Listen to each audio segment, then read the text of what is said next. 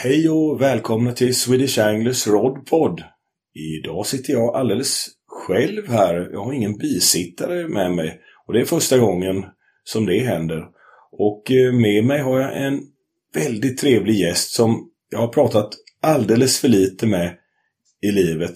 Men känt väldigt, väldigt länge. Och väldigt många år sedan eh, vi träffades första gången. Och eh, han är en fantastisk sportfiskare med fruktansvärt mycket strängar på sin lyra. Det finns nästan inget inom sportfiske som inte den här killen har provat på faktiskt. Så jag säger välkommen till Anders Lilja. Tack så mycket.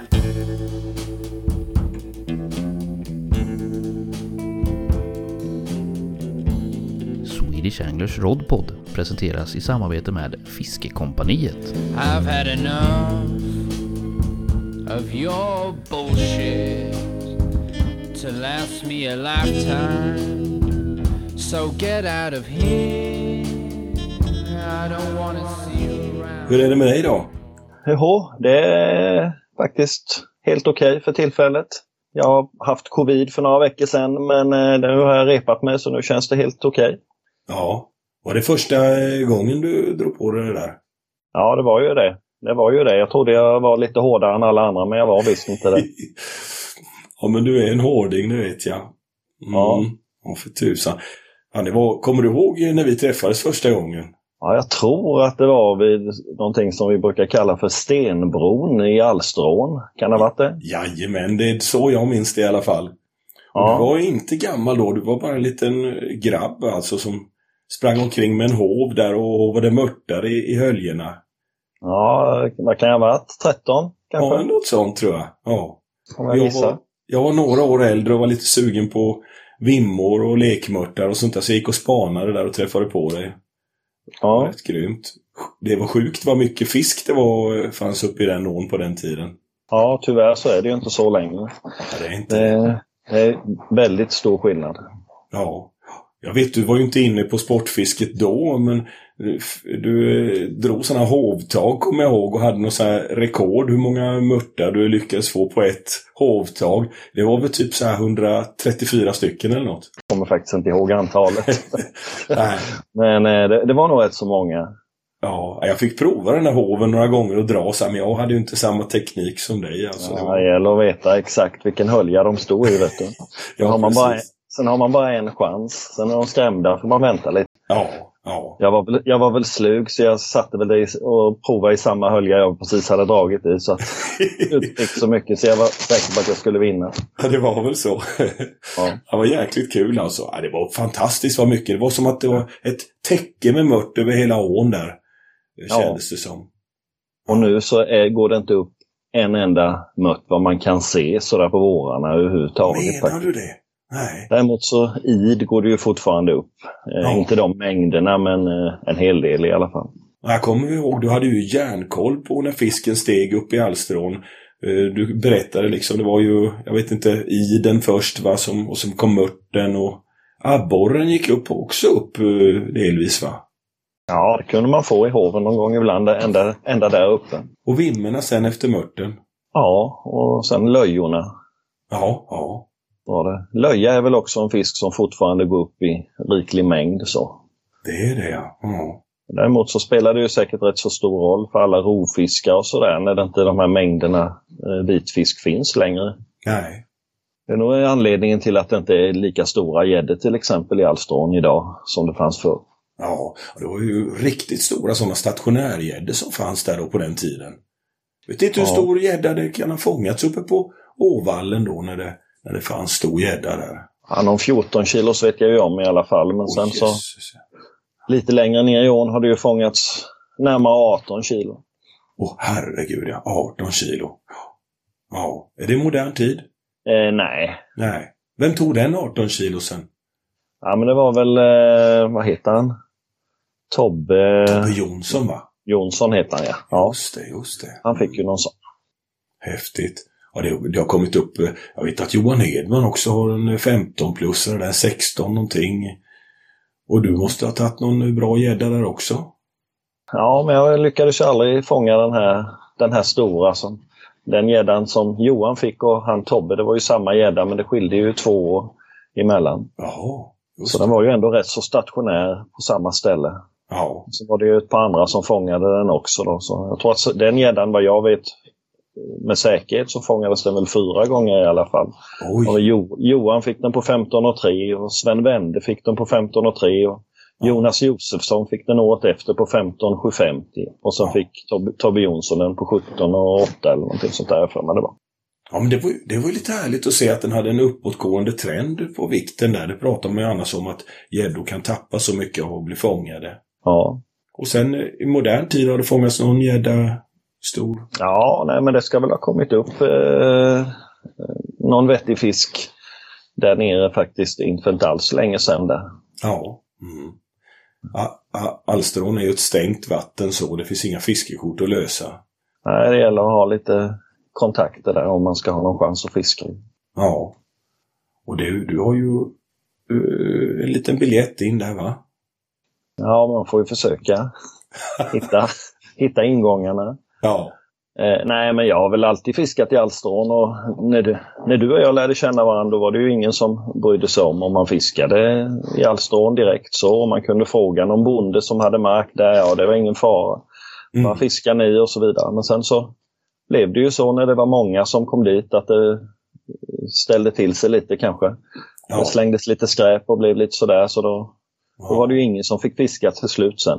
ja, precis. Jag kommer ihåg någon taggtråd som hade gått av. Det var ett himla liv om Ja, det. men det var lite så. Korna rymde och lite sådana grejer. Ja, ja. Men annars var det mycket så eh, när vi började fiska där i, i ja, hela Kalmar län egentligen, i sjöar och år. Att, visst var det så att eh, man var nästan välkommen vart man ville och det var nästan så folk kom ner, markägaren kom ner med kaffe och bulle och tar jag väl i lite men Ja, ja, lite kanske. Det var väl lite olika. Det var väl bara ute på Grönö de inte var så va? i Misteros skärgård. Ja, Ja, det där var det var någon gång. Det, det var det inget roligt. Nej. Ja, där satte de parkeringsböter på skyltarna mitt ute i skogen. Och, ja, det, det var lurigt. Nej, det var, det var skoj Ja. där alltså. Det, jädrar vad fina vimmer vi fick eh, på den tiden. Kommer du ihåg va? Jajamän. Ja. Eh, det var ju det Alstron blev lite känt för där och då kom ju många specimenfiskare dit. Mm. Från både Skåne, Rutilus-killarna kom ju och sen så var det ju från Östgötarna och Ja, vi då, Eskål som vi var med i. Ja, ja precis. Ja, för det var ju så att eh, du gick ju med i, eh, Eskål. Vi var några killar, det var, var det Hedman och jag och Pelle var det. Pelle Svensson. Eh, Ja, vi hade väl en jag- liten sektion där. Ja, ni hade väl haft eh, Eskål ett par år. Ja, visst. Och sen så värvade ju du mig då. Ja. Du såg väl potentialen där i hovningen. Ja, det var ju det. Och sen fiskade vi lite ihop, men sen så eh, valde du att ta en egen väg där med SK Fiskpinnen. Kör, det var ju himla Ja. mycket folk i, i Ålem som eh, började specimenfiska. Och eh, sen kom vi i kontakt med dem i Kalmar där. Mika Ja. och... Både Mika och jag var med i Eskål eh, Ja, så var det. ja, samtidigt där ju. Ja, det stämmer. Så var det. Men sen så, eh, ja, nu ska jag inte vara elak, men vi kom väl ihop oss lite. Jaha. På, Ja. på något sätt. Inget du minns kanske, eller vill minnas. Nej, jag kommer inte ihåg det faktiskt. Nej, nej. Nej. Och du kanske inte vill höra det heller. Nej, jag vet inte. Det var, ja, det var mycket man eh, kunde rycka ihop om på den tiden. Ja, nej, men det blev väl så. Man var, båda var tävlingsinriktade kanske och sådär. Jag kommer ihåg Ja, Det var, det var någon gång vi, vi skulle meta sik, hade vi kommit överens om. Men så var det ju sådär att då, då ville man ju gärna vara först. ja. Jag vet inte om du kommer ihåg det på Saltors brygga någon gång. jo för fasen. Hade vi bestämt någon tid att vi skulle träffas där, men då var väl, lite, då var väl du lite ett par timmar innan där för att vara säker på att du skulle få sitta där ihop med någon kompis. Och då tänkte jag, nej fan, här vill jag inte vara Ja. med längre. Nej, just det. Jag kommer ihåg någon gång när vi skulle fiska ihop i, i, i Alstron med Vimma. Så då åkte Mm. vi ihop ner. Så eh, jag körde bilen och sen när jag kom ner hoppade du ut snabbt så tog du dina spön. Ja, det gäller att vara snabbast och så drog du ner. Ja, så var det säkert. Ja, det var härlig tid faktiskt. Mycket roligheter som hände och Ja, men då valde vi ju att starta SK Fiskpinnen eh, i alla fall där då Ja. året efter har jag för mig det. Ja, Någonting. Eh, Och det var väl Mika och jag som var lite initiativtagare till det. Så det var. Men eh, och det blev ju två lag liksom utav det till slut. Det var ju mängder i, av folk som gick Ja. med SK Fiskpinnen. Ja, men det var ju så. Vi var ju, dels så fanns det ju ett gäng smågrabbar då ifrån Ålem eh, som eh, var med. Ja, Det var lite, lite hangarounds till mig när jag fiskade. ja. Det var ju Leif Krause, kanske den som är mest känd idag. ja han, dem. han är du lite fader till, eller fadder eller vad vi ska kalla det för. Fader är jag inte. Och sen var det ju Gustav Diner, han umgås jag ju väldigt mycket med eh, även idag. Ja, Eh, Fiskar mycket med. Och sen hade vi ju Erik Karlsson om du kommer ihåg och Peter Svensson. Och... jajamän. Lill-Erik. Jajamän. Idag är han rätt, rätt stor och polis. Ja, han blev jättestor. Ja. Ja. Jag har inte blivit stoppad av honom någon gång, men jag jag Ja. kommer nog inte kunna säga något annat. Tjena Lill-Erik, kommer du bli? ja, du känner nog inte igen han. Jo, jag gör det faktiskt, för han har varit med i lite karptävlingar uppe i, i Karsöl. Han och Tony Edmundsson Okej. Ja. har varit med som ett lag. Då var de Ja. brandmän båda två där en tid. Ja. Men sen Erik eh, tog väl steget där, eller ja, steget ner där och blev polis då. Ja, och sen så var det ju, det var ju mer folk. Eh, Sen fanns det ju en liten Kalmar-falang i SK Fiskpinnen också. Och Ja, det var ju Mikael Blomqvist och Frank Hunold. mm. Och Bo- Bobo och bröderna Josefsson. bara massa kända namn. Ja, för oss som bor här i alla fall. Ja, Sen hade vi ett gäng från Hultsfred som var med. Eh, Det var ju Carl-Johan Månsson och Anders Ström och några stycken där uppifrån. ja just det, de var också med Fiskpinnen. Fiskpinnen 3 tror jag ni hade. Ja, Tre ja kanske norr och syd kallade Norr och syd var det, ja. Så var det. Det stämmer. Sen var det ju eh, Fredde Gustafsson och Johan Weikert var med Ja. också. Ja. Så, så eh, vi var ju rätt så många. Och ni slog ju oss lätt i den här småländska specimentävlingen. Vi hade inte en chans. Men så fick man ju vara på den tiden 12 man i varje lag med. Ja, så Om kanske man det nu ska hitta något att skylla på då. Ja. Ja, det är lite Ja. svårare idag när man bara får vara fem. Ja, precis. Och sen var det Peter Svensson, den nämnde du kanske, men han är väl någon karpfiskare? Eller han, han, Ja, han håller väl på än. lite med det. Mm. Ja, men nå- någon gång ibland tror jag, men det är nog bara karp. Ja, Och Daniel Johansson var ju en kille med som fiskade en hel del med mig. hur är det med Daniel då? Han har inte sett sedan dess. Nej, han, är, han jagar mycket. Det är väl hans intresse för tillfället. Ja, Jag var ju faktiskt också med i SK Fiskpinnen något år och tävlade i Svenskan, så då fick jag ju nöjet att vinna Svenskan i, lag där. Okej, Väldigt då hade jag nog lagt av tror jag. Tror du Eller det? hade jag nog lite, lite paus tror jag. Jag var ju aldrig så, jag var faktiskt aldrig så där jätteaktiv i SK Fiskpinnen under de åren då de, då de vann Svenska specimentävlingen där. Nej, nej, just det. Men du vann ju själv individuellt småländska tävlingen. Småländska specimentävlingen minns jag. Ja, men det tror jag jag gjorde Ja. typ 95 och 96. Ja, Ja, om jag minns rätt. just det. Och hur många gånger ni vann småländska som lag, det vet jag inte. Men det står väl sig ännu som. Det har jag ingen aning om heller. Nej. Jaha, sen har du gått vidare.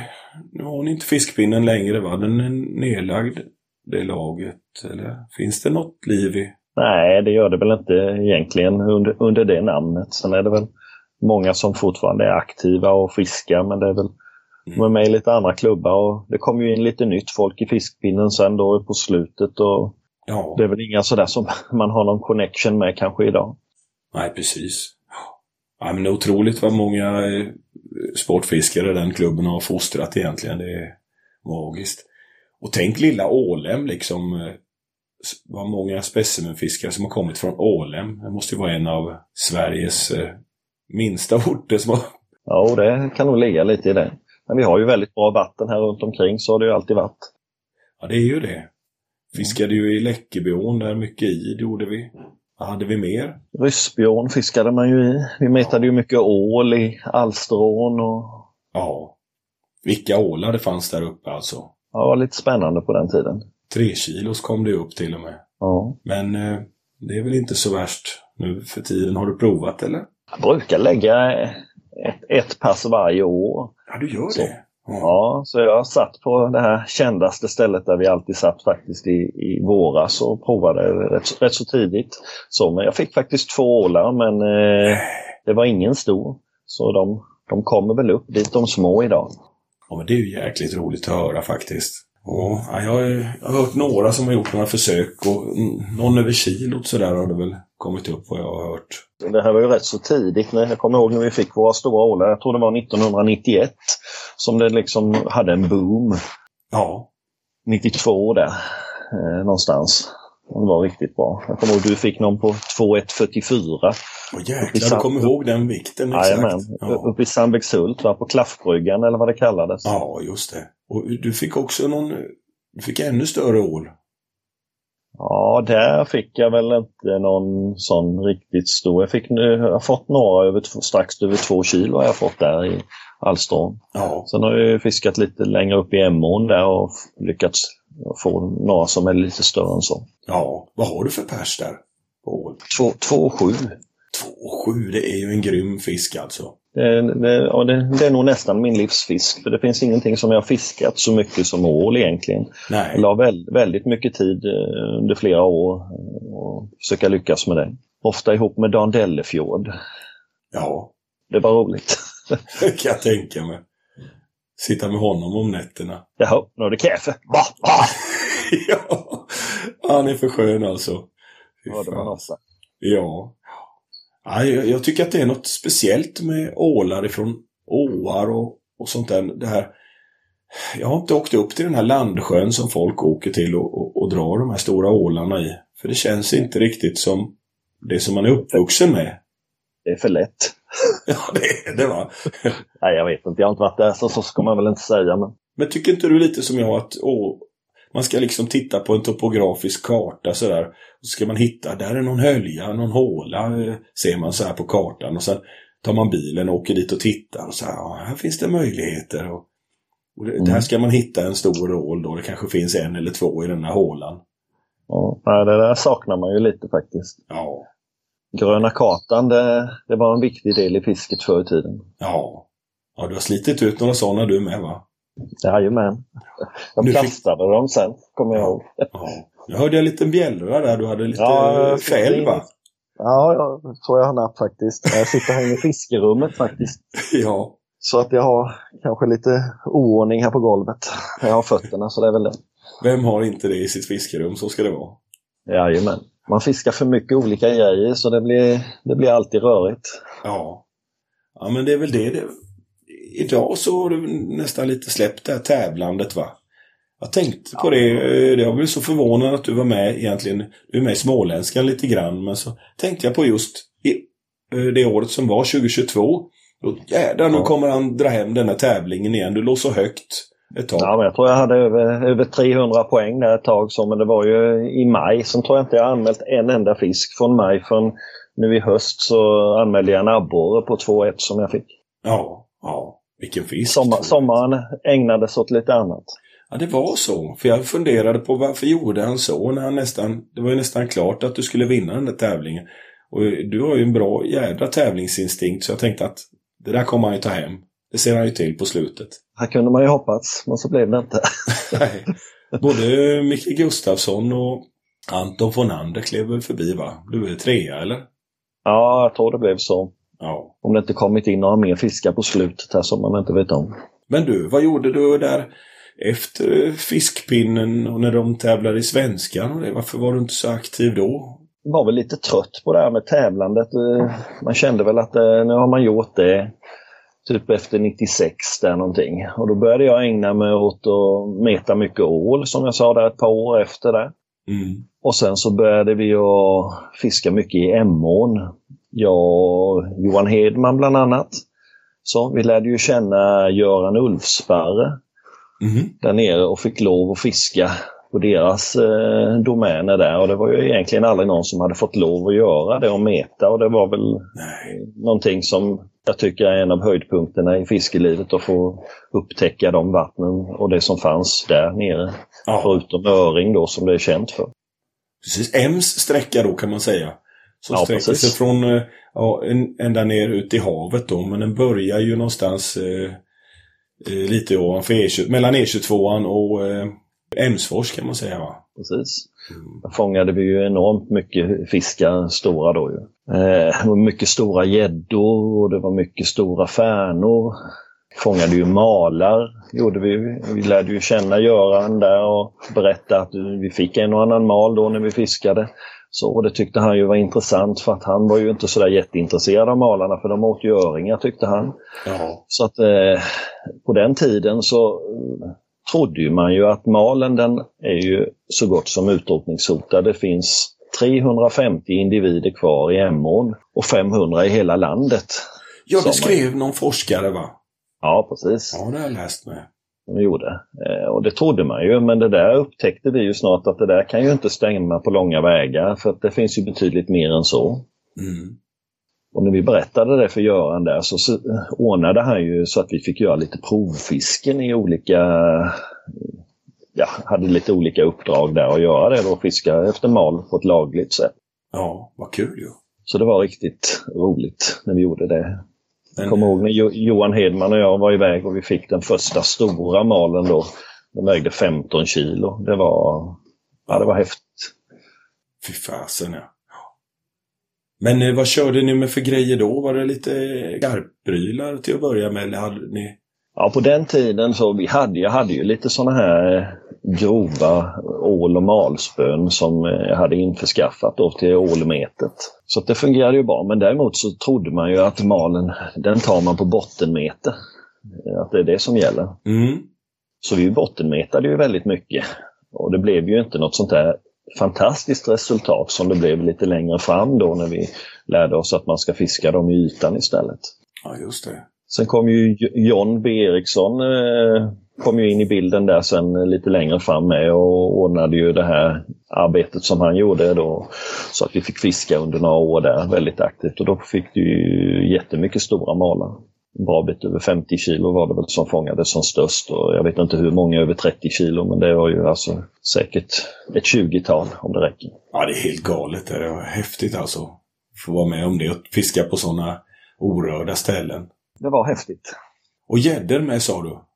Ja, jag kommer ihåg vi satt och bottenmetade i Emån och då fick jag en gädda som vägde strax över 12 kilo på sommaren. Sen på vintern sen efter så tänkte jag att vi måste prova ismete för vi hade eh, sett en artikel som jag tror Jörgen Larsson hade skrivit ifrån Finjasjön. Eh, där. Det var ju ingen som ismetade på den tiden utan det var ju bara angeldon som folk höll på med. Ja. Men efter att ha läst den då så då gjorde vi, skaffade vi ju lite korta spön och lite sådana här hållare och åkte dit och körde. Då. Så då fick ju Gustav samma gädda som jag hade fått på sommaren. Då vägde ju den 14 550 kommer jag ihåg. Oj, oj, oj. Ja. Så det var ju, det var ju roligt. Sen vet jag inte, vi har säkert fått ja, 20-25 gäddor över 10 kilo på de sträckorna. Ja, fy fasen. Jag har mitt pass därifrån, den väger knappt 14 kilo, 13 950. Ja, det är en grym gädda. Eh, Jag har inte kommit över 10 än. Ja, det är inte så lätt. Jag trodde att, det- att de var slut, men vi faktiskt var ute och metade lite abborre för ett par veckor sedan med en kompis här och då fick han en gädda på 10,5 på abborrmeter. Ja, Det var lite roligt. Det var länge sedan jag såg en 10 kilos nu. fy fasen ja. Skulle jag vilja ha. Varför var det inte mig du tog med? Ja, får vi göra det någon gång? ja, det får vi göra. Får du ha ståltafs? Ja, precis.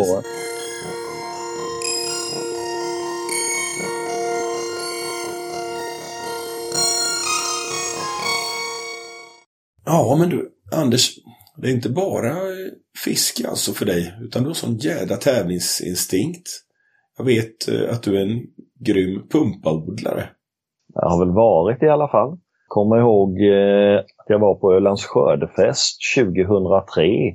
Och där hade de ju sånt där svenskt mästerskap i pumpaodling och tänkte jag att det där kan ju vara lite skoj att prova på. Så till året, till året efter sen så hade jag odlat min livs första pumpa och den vägde 124 kilo kommer jag ihåg och det tyckte man ju var rätt stort. Det var kanske inte jättestort med de måtten i alla fall som det var på den tiden. Jag kom femma då i SM året efter. Och sen tänkte jag, sen till, tänkte jag att det här måste man ju kunna bli bättre på. Så att då, eh, året efter det så blev den, vägde den 254 eller någonting sånt här för mig. Och då tror jag att jag kom tvåa om jag minns rätt. Ja. Är det speciella frön eller vad är det? Ja, det är det. Ja, ja. Det är ju stamtavla på alla frön som man odlar på. Jajamän. Och det där är jätteviktigt, att man har rätt gener på fröna då så att du kan odla en riktigt stor pumpa utan att den spricker, att väggarna liksom har defekter och sådana här grejer. Hur motverkar man det då? Är det bara tur eller? Ja, men då får man ju försöka odla på ett frö som man vet att någon annan har odlat på och lyckats bra då. Sen då så korsar man ju då, pollinerar eh, pumporna med varandra, olika planter som man kanske har då som man vet har varit framgångsrika. Och så har ju den här pumpaodlingen då eh, avlats fram under eh, ett par decennier nu. Så att faktum är att när jag började odla pumpar då var väl världsrekordet i USA kanske ja, runt 600 kilo. Ja. Men idag så tror jag att det är 1200 kilo. Oj, Och det, och det handlar inte om att eh, de som odlar pumpor idag är så mycket bättre, tror inte jag. Utan det handlar nog mer om att genetiken, att fröna har blivit så mycket bättre. Okej. Men hur fasen fra fraktar man en sån pumpa till en tävling på 1200 kilo? Det är inte något man tar under armen direkt då? Nej, då, det finns två olika sätt. Antingen så tar man en traktor och har en speciell lyftring med lite stroppar och grejer som man eh, sätter runt pumpan och sen eh, knyter ett snöre i botten på då. Ja. Som gör att eh, man kan lyfta det med traktorn.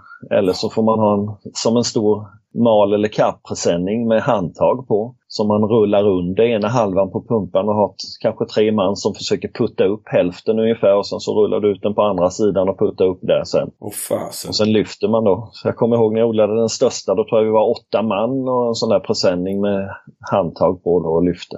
Fy fasen. Som att väga en stor mal ungefär. Fast lite värre. Lite värre kanske, lite tyngre. ja. Så 2006 odlade jag faktiskt Europarekord på pumpa sen. Oj. Och det var ju riktigt häftigt för då blev jag inbjuden till eh, pumpamästerskap, eller Europamästerskapet i pumpaodling i södra Tyskland, i Stuttgart. Ja. Fan vad nördigt det är det här alltså. Det är jätteroligt. Ja, det har varit fyra gånger faktiskt. Så jag, jag vann 2006 och då hade ingen odlat en större pumpa än vad jag gjorde. Då vägde den 541 kilo. Oj. Sen eh, odlade jag året efter så tror jag att jag hade någon som var där kring också. Och den största jag odlat odlade jag 2010. Den vägde 626 kilo. Ja. Men, men har du något hemligt knep så här för, för att de ska bli så stora eftersom du vann hela tiden eller? Ja, eh, det finns väl lite knep och det största knepet är faktiskt hur man beskär den här plantan. Jaha. Det är det det handlar om. Många tror ju att man har liksom någon specialgödsel, att det är det som gör det, men det är det faktiskt inte. Nej. Man kan tänka sig om man planterar ett frö, sen växer det en ranka på det. Sen Ja. varje bladfäste växer det ut en ny ranka. Och då gäller det att man låter de rankorna växa till en viss längd som man sen kapar de här rankorna så att när det väl kommer en liten pumpa allra längst ut på den här huvudrankan Mm. då eh, ska man ha kapat alla de här sidorankerna eh, så pass att näringen inte har någon annanstans att ta vägen än till den här pumpan. Jaha. För vid varje bladfäste så skjuter plantan ut en ny rot. Så då eh, är det viktigt att man har så många rötter som möjligt. Då har man då kapat alla ranker så att näringen inte kan ta vägen någon annanstans än just till pumpan. Det är då du får den här enorma tillväxten. Jaha. Fy fasen. Så när det växte som mest, då tror jag det växte någonstans runt en 22 kilo per dygn har jag mätt upp eh, Åh herregud. att det växer då. Ja. Men det måste, stå, det måste ha bevattning på den konstant då. Nej, det är inte det. Vattnar du för mycket så spricker den. Så det är faktiskt en, en avvägning. Jag odlade faktiskt väldigt torrt jämfört med många andra. Åh fasen. Men, eh, jag hade också pumpor som höll ihop. Ja. Ja jag har, ju tänkt på det där. Hur fasen gör han? Jag, tänkte så här, ah, maskkomposten, det är den han odlar allt på. Jag har faktiskt provat där också. Det? Jag har ju en, har ju en sån bara på, helt på friland. Så, men även om man inte har något växthus eller sånt där, för det hade jag ju till de stora. Mm. Så mm, lyckades man ändå få pumpor som vägde någonstans där strax över 300 kilo. det duger ju lite. Ja, 378 kilo tror jag jag odlat på friland. Utan, nå- utan någon hjälp överhuvudtaget med någon växthus eller någon jordvärme och sådana här andra grejer som man kan ha. Ja. Och gör man någonting med de där sen? Bygger en koja till ungarna och gröper ur eller något eller? Ja, det kan man ju göra, men sen så eh, när jag odlade de här då, då fanns det ju alltid folk som ville köpa de här pumporna. Ofta så lämnade jag dem då i södra Tyskland där på det här pumparmästerskapet när jag hade varit där. Mm. Det hade de som en stor pumparfestival varje år som höll på i ungefär en och en halv månad. Så att då hade de olika evenemang varje helg. Det var faktiskt runt 10 10 till 12 000 personer där varje helg som Jaha, var och tittade på den här pumparfestivalen. Och jag tror det är så fortfarande än idag. vad häftigt alltså. Vad, vilken stad var det i sa du? Ja, det är utanför Stuttgart så Ja. ligger det en stad som heter Ludwigsburg. Där var det. Så det rekommenderar du om man vill ha riktigt roligt så ska man ta med sig lite sprit och åka ner till, utanför Stuttgart och dricka. Ja, jag, har Sprit. faktiskt prov, jag har faktiskt provat det en gång. Ja, Jag kommer, jag kommer ihåg det var andra året jag var där nere. Man, det, var ju fri, det var ju fri dricka. ja. Och det var tysk tv där. Och jag hade väl fått i mig rätt så många öl. Och tyskan är ju inte sådär jättebra. Så jag skulle gå upp där på scenen och hon skulle intervjua med den där tyska programledaren. Och det blev lite snurrigt. På tyska? ja, tyska pratar inte engelska vet du. Nej, de gör ju inte det. Ah, shit. Ich spreche Deutsch. ja, ja, duktigt alltså. Ja, du har ju eh, hållit på lite med idrott också va? Mm. Amerikansk fotboll var min grej i livet. Du var också på ganska hög nivå va? Jag vet inte, det var väl näst högsta nivån. Ja. Men jag var väl rätt så duktig. Jag kommer ihåg att jag var bästa poängplockare i södra Sverige två år i rad. Och då var det mellan Malmö och Norrköping kan man säga. Sen det som var ovanför Norrköping var i en annan serie. Ja, ja. Det tyckte jag var roligt. Jag var running back, det var den som springer med bollen.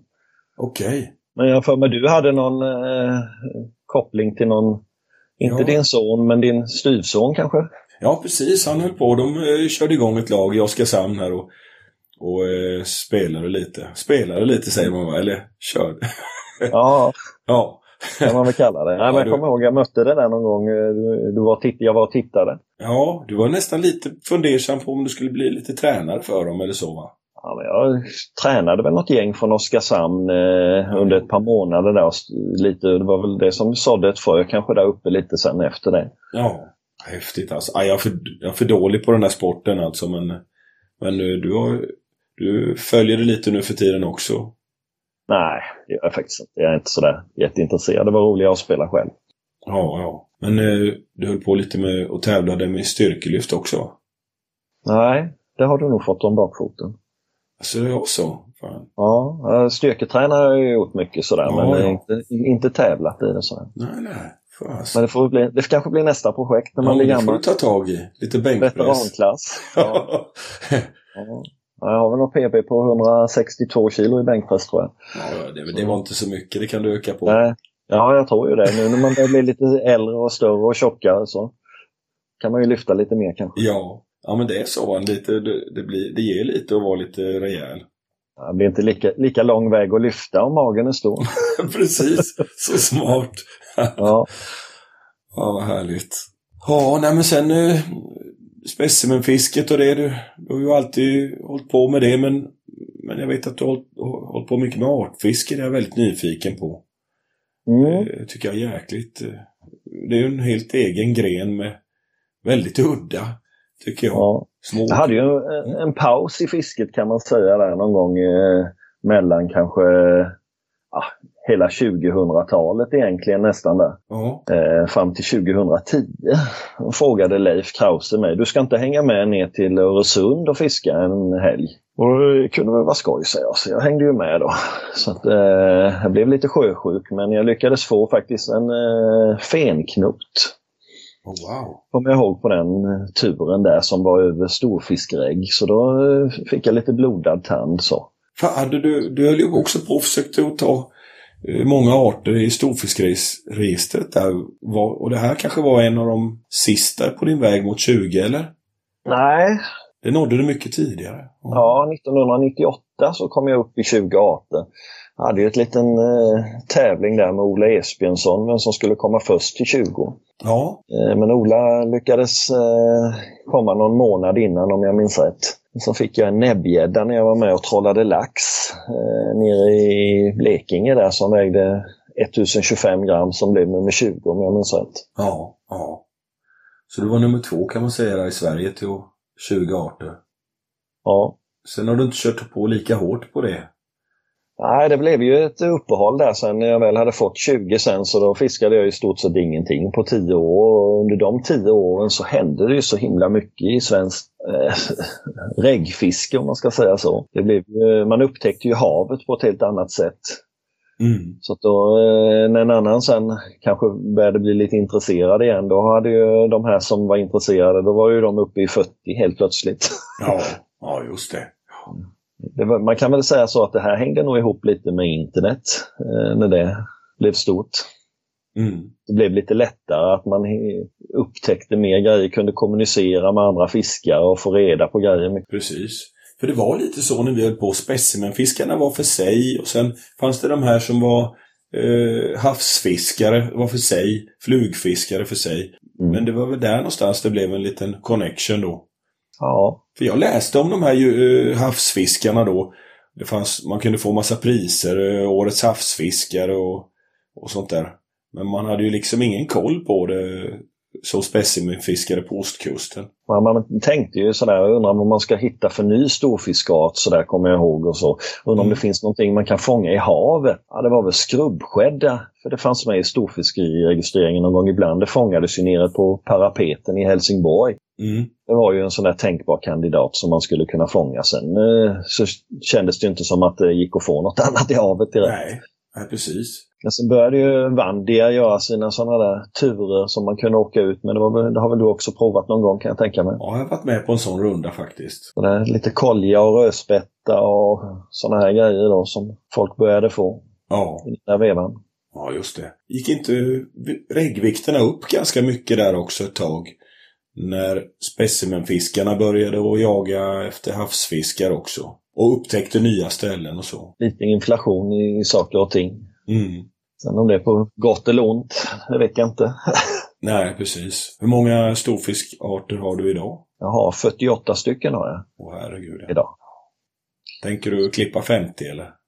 Ja, men det hoppas jag väl, men jag har ingen brådska så. Nej. Jag försöker göra någon tur varje år på någonting så som eh, man tror på. Så i förra året nu, eller 2022, så var jag uppe i Norrland och fiskade med Sten Sture Jönsson som jag fiskar en del med. Mm. Eh, och då eh, lyckades vi få varsin sån här strupsnittsöring. Aha, just det. Var lite, lite häftigt fiske, lite annorlunda. Ja. Hur gick det till? eh, Den, eh, det är den, s- en implanterad fisk. Jag blandade ihop den här lite med indianlaxen också. Ja. Men Mm. eh, strupsnittsöringen finns i vissa vatten och den är implanterad. Strupsnittsöringen finns nog bara i ett vatten i Sverige överhuvudtaget. Mm. Och de härstammar ju från isättningar någon gång på 50 eller 60-talet. Oj. Eh, Så, så har man då satt ut rom, tror jag det var, eh, som var befruktad i de här vattnen då. Och de vattnen de har klarat sig i, det har ju varit sådana här vatten där det inte har funnits några andra fiskar egentligen, några kärnor då som har varit fisktomma så de har inte haft någon konkurrens. Och det är likadant med indianlaxen. Ja, ja. Ganska svåra vatten att klara sig i för andra arter då. Nej, det är det nog inte för andra arter så kanske egentligen. Eh, ja, det finns ju inget, inga andra fiskar för dem att äta direkt med en indianlax då. Nej, nej just det. Du var med och upptäckte ett indianlaxvatten där va? Ja, men jag hade fått lite indikationer på ett ställe där det fanns indianlax.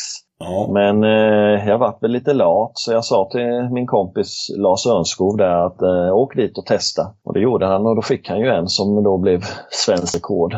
Den vägde väl 350 gram eller någonting så det var väl inget, ingen jättestor men eh, det var Nej. ju ändå. Ingen två timmars fight direkt men Nej, men de, de fightar faktiskt bra. Jag har faktiskt eh, inte, Ja. ja, jag har inte fått någon indianlax, men jag har haft på en. Och det är riktiga luftsprång och grejer och sådär. Riktigt eh, jobbiga så. Häftigt. Flugfiskar du då eller? Nej, jag, den jag tappade var på spinnfiske, men jag har testat mete också, men det har inte lyckats för mig. Men jag tror att det, det är nog rätt svårt att få en indianlax idag. Det har ju varit lite sämre med det, eh, fångsten nu något år. Mm. Eh, I den här kärnen då som det var bra fiske så har det flyttat in ett storlompar. Jag tror att de rensar rent rätt så duktigt. Det var det inte första åren när vi var där. Nej. Ja, de är ju grymma fiskare är de. Jaha, så det är, det, det är en av arterna som hägrar då, en indianlax. Det är något du skulle kunna ta på vägen till 50? Det kanske skulle kunna vara det, men det är väl troligast kanske att det blir någon, någon sorts havsfisk. Ja. Om jag lågoddsare är nog en blålånga och en skoläst. Okej. Jädra namn alltså. Ja. Men hur, hur ska man tänka när man ska fånga de två arterna liksom? Är det djuphavsfiske då? Ja men det är det. Det är ju ute på det här 10 grader med omnejd som man fångar det. Ja. Där har du en egen båt du åker ut med va? Nu för tiden. Ja, jag har ju haft det i alla fall och jag har fortfarande men jag har den inte riktigt i, i skick för att göra de där resorna längre. Nej, nej. Annars var vi ju rätt så tidiga där ute. Så vi var väl egentligen de första som hade en frontmonterad elmotor. Jaha. Så ankrade ni med den då? Ja, så hade man ju aldrig gjort innan. Då ankrade man ju alltid liksom med, med rep och sen körde upp ankaret och hade en kilometer ankarlina i båten. Mm. Nu blev ju det mycket lättare när man bara kunde... Och därför är du så bra på bänkpress. Ja, men en ryggövning att dra ankarlina. Ja, det är det ju förstås. Ja. Men fasen vad galet alltså. Det är rätt stora djup där ute. Ja, nej, men det är väl någonstans mellan 500 och 600 meter då på det djupaste. Det är ju mycket lubb, är ju den vanligaste fisken. Det är Ja. nog det lättaste man kan få där ute. Tar man fisk på olika djup där då? Eller det mesta på botten? Eller det finns lite mellanvatten också va? Till att börja så har man ju egentligen bara fiskat på botten i stort sett och då har man ju inte fått så många olika arter. Men sen hände det ju någonting för ett par år sedan. Folk började få eh, guldlaxar och kolmular och skolästar och sådana här grejer. Mm. Och det får jag väl faktiskt ta till mig lite att jag var en av dem som kom på hur man skulle göra. Mhm. Man använder någonting som heter franska bommar. Jag vet inte om du vet vad det är? Nej, ingen aning. Nej. Nej. Det är som små, metallbommar med som en, en ögla på som man kan vira på linan. Och då Ja. är det ju så att, eh, tänk att du har ett sänke i botten Mm. och sen 10 meter upp så sätter du en sån här bom och virar huvudlinan runt bommen. Mhm. Och så spänner det sig själv så att eh, på den här bommen har du sen knutit en liten taps på kanske 10-15 centimeter och en liten krok Ja. Som du agnar med någonting. Sen då så kanske du sänker ner ytterligare 10 meter och kan sätta dit en krok till. Mhm. Och det gör ju att man kan fiska över väldigt stora djup. Okej, så man fiskar med många olika krokar på... Man kan ju ha typ fem eller tio krokar eller vad man nu vill ha. Man säger då som du har satt på olika djup och det är så alla gör idag i stort sett när de får de här fiskarna då. Jaha. Men hur gör man? Ja. När man vevar upp då eh, kommer man ju... Då får du plocka de här för hand. Säg att du har en som är 100 meter upp från botten. Då kommer ju den eh, först upp då ju när du vevar upp. Mm. Och då har man ju ofta som kanske något litet blinklod eller någonting, en sån här blinkpilk eller sånt där som du har satt på den här med varför du ska upptäcka när den första kommer då så du inte vevar in Ja. den i spöet då. För man har väl sådana här mo- motordrivna rullar va?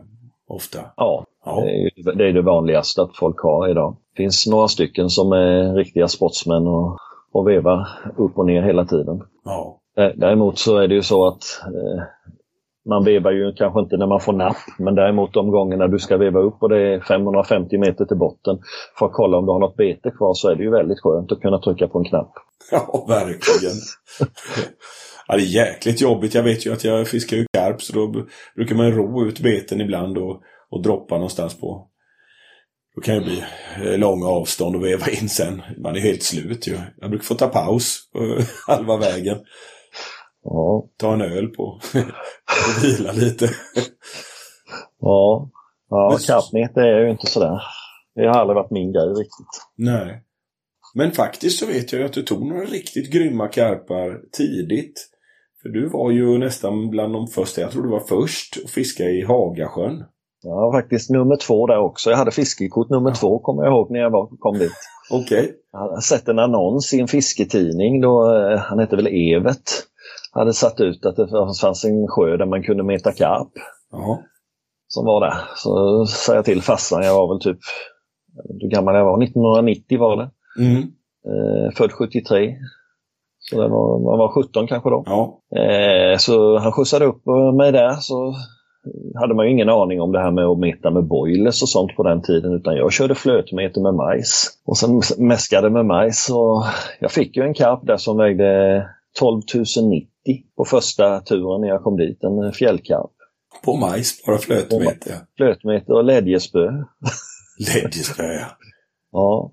Fy- Dam Champion Ledje tror jag det var. Det hade väl du också rätt? ja, ja, ja. Det var inte mycket eh, kraft i dem.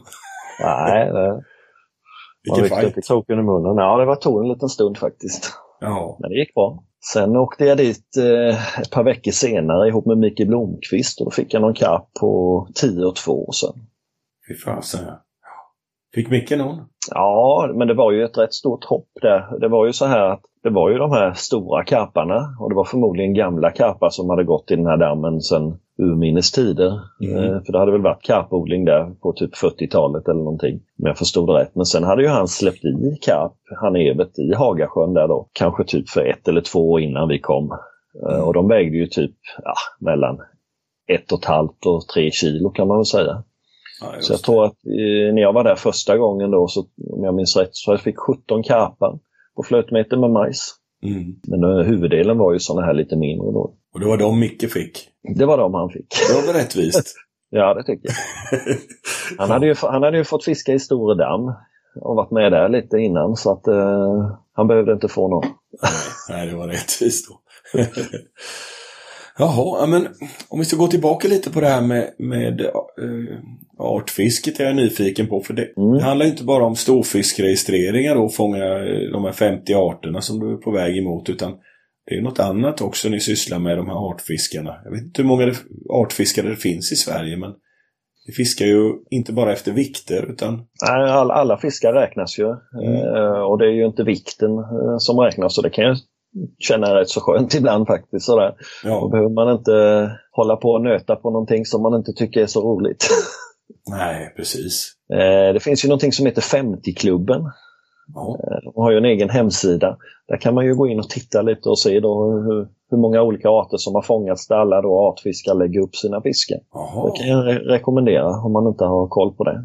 Var, var eh, finns det? Så jag känner bara till tusenmetersklubben. Ja. Ja, Men eh, var hittar man det här 50? ja 50klubben.se tror jag det heter. Ja, Eh, det är ju en kille från Göteborg som driver det. Patrik heter han. Och har gjort en väldigt fin sida där. Så att där ligger ju alla artfiskares eh, artlistor upplagda och man kan klicka och se då och se vilka arter som saknas. Och, ja ja, det är många olika funktioner han har där. Okej. vad Det är häftigt. faktiskt jät- jätteroligt. Kan man få lite tips där då om man är inne på den här sidan var man kan söka dem? Så här, står det fångstplats? Eller Ja, men det gör det ju. hyfsat? Det är, ju, Ja. det är ju faktiskt roligt också. Det blir ju inte så hemlighetsfullt det här artsfisket som det har blivit med det här med reggfiska och storfiska och sådana här grejer. Där är ju gärna folk lite hemlighetsfulla så. Kan tänka mig att det är lite mer öppet. En liten mer open community där. Ja. Har ni så att ni har lite sån här forum för det också? Och man delar sina tips och sånt där till, till varandra eller? Ja, nej, men det är nog rätt så... Inget speciellt sånt forum tror jag inte det finns, men eh, alla är väldigt öppna och man kan nästan fråga vem som helst och det är inte så många som har några hemligheter. Nej. Så, så det händer att det hör av sig folk till det om de vill fånga en sån här strumpläst eller skoläst eller, eller något. Ja, det har jag ju inte fångat någon, men det, Nej, just det. Just det. Hornsimpa har jag guidat några stycken eh, sådana Ja. artjägare på. Annars är det ju, man har ju en liten fördel när man bor på västkusten om man håller på med det här, så är det ju. Det är ju vi har ju 20-25 arter här på vår sida och sen har vi 75 på andra sidan. Ja, ja, det är orättvist. Men du, du är väl en av dem som har fångat ändå bland de flesta så?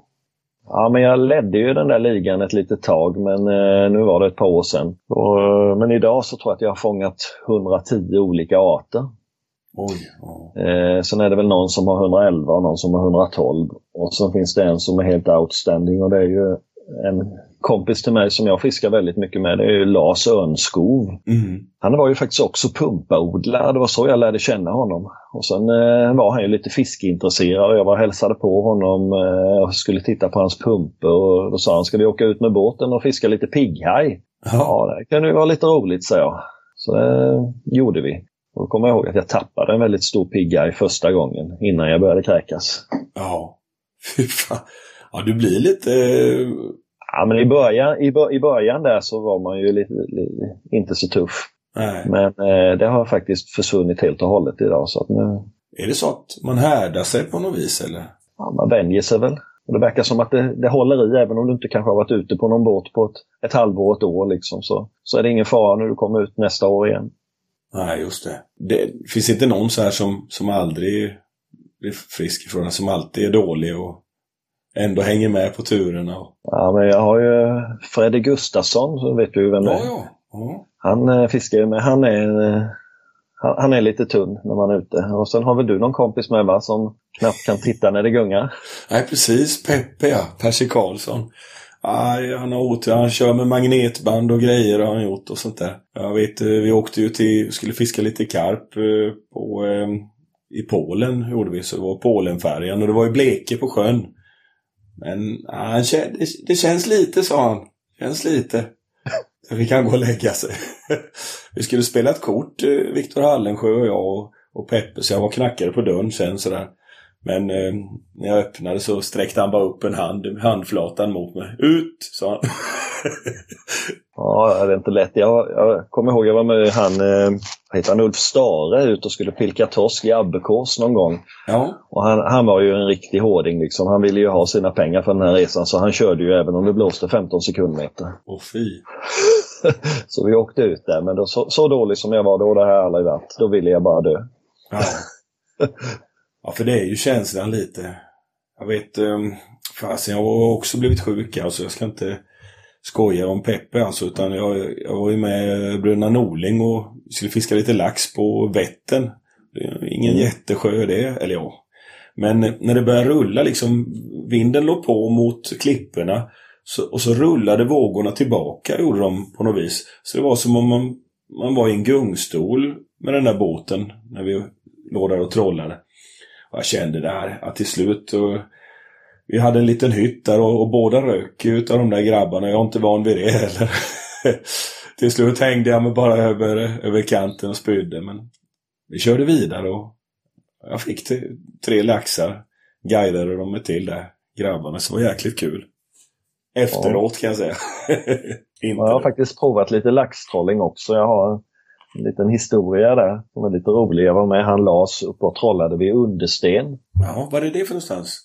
Eh, det ligger ju utanför Uppsala ut eh, Östhammar Ja, ja. och sen ut där. Eh, då fiskar man ju, det finns något som heter Understens fyr utanför där, ett väldigt känt trollingställe. Så vi hade fiskat i, vi skulle fiska i fyra dagar. De tre första dagarna hade vi gått bom, vi hade inte fått en enda fisk. Mm. Sen hade vi en halvdag på oss innan vi var tvungna att åka hem. Det skulle börja blåsa vid middagstid ungefär. Klassiskt. Det blir nog inte så farligt. En stund till. Ja.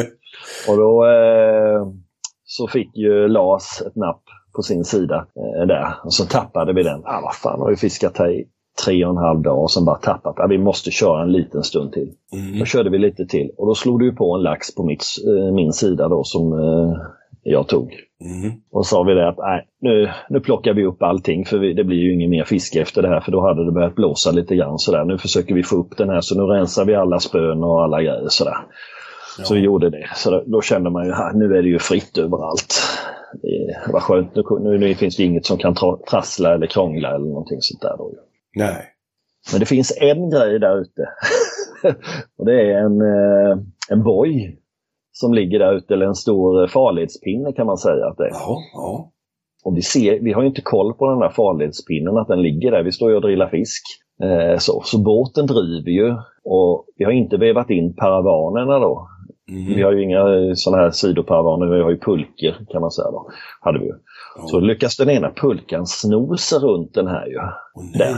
Ja, Ja. och åka upp i den här eh, farledspinnen då. Och sen driver vi och då kan vi ju liksom inte köra därifrån när vi sitter fast med pulkan i den. Och då trasslar ju fisken också in sig i den här vet du. Nu- nu börjar ju laxen bli trött som tur är. Ja. Så att, eh, men den här laxen i alla fall då ju, han hänger på farledspinnen och när vi glider så, så, så, så åker laxen uppåt på pinnen. Li, li, linan håller och laxen väger 13 kilo. Fan.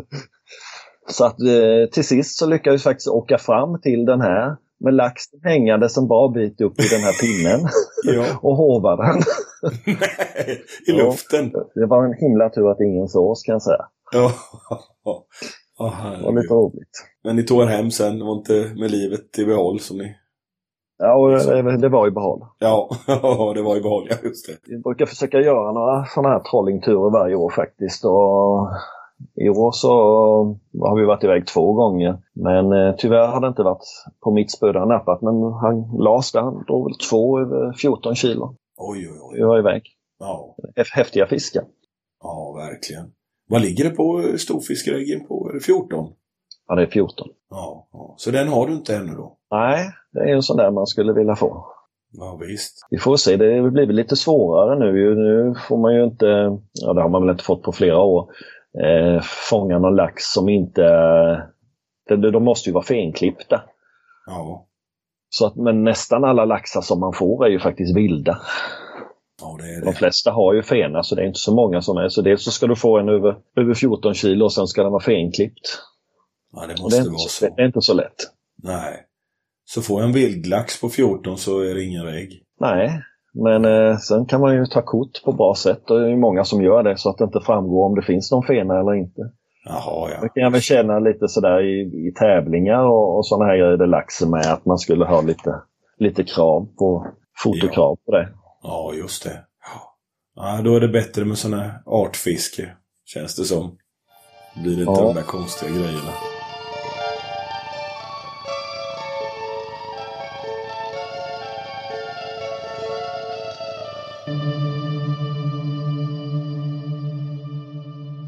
Tänk vad länge vi har hållit på alltså. I, och fiskat du och jag. Det är rätt Ja. galet. Var, det var inte, fanns inte många specimenfiskare här i, i Småland då. Det var de här Micke Blomqvist och Louis Rasmussen.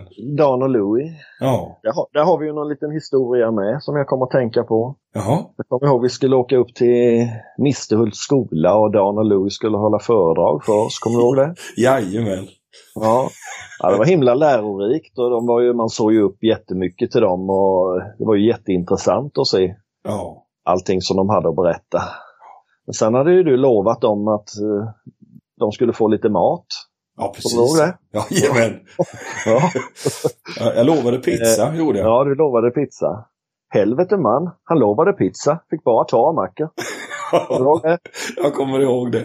Hedmans mamma hade faktiskt stått och brett jättefina smörgåsar och grejer. Så.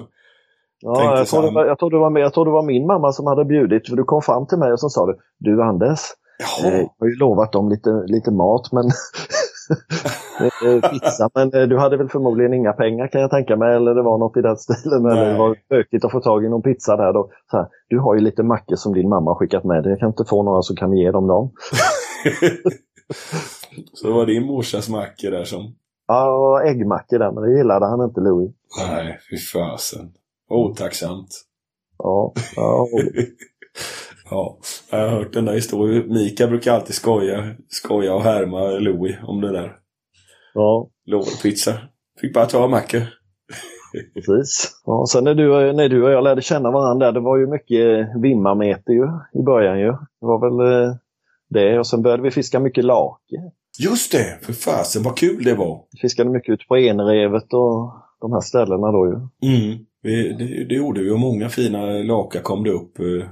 Och mycket kul specimenfiskare träffade man där också. Jag kommer ihåg Brennis var där uppe och körde lake. Martin, vad hette han som gjorde lappalarmen där? Ja, Martin Jonsson. Just det. Ja, ja och nej, men de lärde vi känna där uppe och de höll jag faktiskt lite kontakt med där och så kom Mm. ihåg att jag var nere och hälsade på dem några gånger och de guidade mig lite till lite storfiskar där nere. Kom ihåg, att jag fångade någon eh, gräskarp och multe ihop med Martin Jonsson där. Ja. Då försökte vi även fånga en mött och hade jag fått den hade jag varit före eh, Ola till 20 där. Men eh, vi var i Nybroån hette ån. Det var något ställe som kunde vara bra under sommaren att meta mött i Mm. där. Eh, Jag kommer ihåg att eh, ja, precis när man hade fått mobiltelefon på den tiden, man hade någon Motorola som man kunde vika upp locket på. Jag satt där i min stol och skivmetade. Och sen så hade man ju fiskat i flera dagar innan där så man var ju jättetrött så jag somnade ju där ju. Ja. Jag satt precis vid vattenkanten Och det var ju rätt så djupt. Och sen så tittade jag upp lite och trodde jag hade napp. Och då reste jag ju, men då tappade jag balansen. Så telefonen får i vattnet och jag åkte i vattnet. Nej. Jo, det var två, tre meter djup precis där man satt också. Så, så, så då hade de lite roligt där, Martin Jonsson och Brännis. Ja. Ja, fy fasen. Jag hade, jag hade inte så bra bilar på den tiden, kommer jag ihåg. Nej, Kommer du ihåg det? Jag kommer ihåg det. Vilken bil ska vi ta? ja, Vad jag, var den första bilen du hade när jag träffade dig första gången? Det var någon lite udda, någon blå historia va? Lite lustig äldre sort. ja, ja. Jag vet Var att jag haft en Opel Manta. Ja, den var vit Ja. luktade sik. ja. Eh, Sen hade du en grön Volvo 343 och där har vi en liten historia med. Ja. Kommer du ihåg det? Ja, jag tror det. Mm. Det var en Polisen, bilolycka på, E- bilolycka på E22 så blev det bilkö. Så kom det fram en kvinnlig polis och sa till oss att ni måste stanna bilen, du måste stänga av bilen här för det här kommer ta tid. Ja. Nej, det går inte, sa det. Den är så svårstartad. ja. Det, det var ju så att man var ju tvungen att gå fram, eh, öppna motorhuven och ta en liten, eh, det? Kabel. En, en, En liten, liten kabel. hå- hålla mot batteriet och startmotorn eller någonting sånt där. Va? Var det Exakt. inte det? Jo, precis. För att starta den här bilen och det var ju lite pinsamt sådär. så jag kommer ihåg sen, då sa de så här, ni får stanna här, ni får köra in till kanten, ni får vänta här till allt är färdigt. Ja. för de tyckte att ja, vi kom för snabbt fram emot olyckan med. Ni, ni, ni kör, varför körde du så fort? sa hon. Okej. Det gjorde jag inte, sa. Ja, det var något sånt där. Ja, fy fasen. Ja, det var pinsamt. Sen eh, det var- ett annat problem. Jag kommer också ihåg att eh, det var någon, något elfel så att eh, vi hade ju inget baklyse heller på den bilen då. I samma tur menar du På eller? samma tur ja. Så Jaha, polisen han ju, gick ju och gjorde en liten kontrollbesiktning utav den där. Och tog varvet runt. Och jag sa, ja, men det visste jag inte, sa jag. Fan att det inte lyste där bak. Men jag lovar, jag åker till närmsta mack och fixar det med en gång. Det måste vara glödlamporna, sa jag. och sen, ja, ja, ja, sa han då. Men åk nu då, sa han. Ja, kom ihåg. Ja, det är bara en grej, sa. Då fick vi plocka fram den där kabeln och lägga för att få igång. Jag kommer ihåg jag bara skakade Ja, på huvudet. Ja, det hade nog inte gått igenom idag tror jag va? Nej, det hade det nog, nog lite hårdare. Ja. Jag vet de tog mig veckan nu. Då hade jag, jag har en liten skada på mitt körkort. Och då sa, tittade han argt på mig, polisen, så här. Om, jag, om det hade varit en, en, en annan polis så hade du fått böter för det här, sa han. Men, men jag är snäll idag, sa han. Så, men du får skaffa nytt körkort. En liten, Okej. liten plastskada var det bara. En liten spricka. Okej. Ja, ja, ja. Ja, han var en trevlig, trevlig polis. Ja, men du den där eh, Volvon med, jag kommer ihåg det var du och jag, vi skulle ju åka ut på Enerevet och svänga, då får man göra en vänstersväng fick man göra på den tiden i Rockneby. Mm.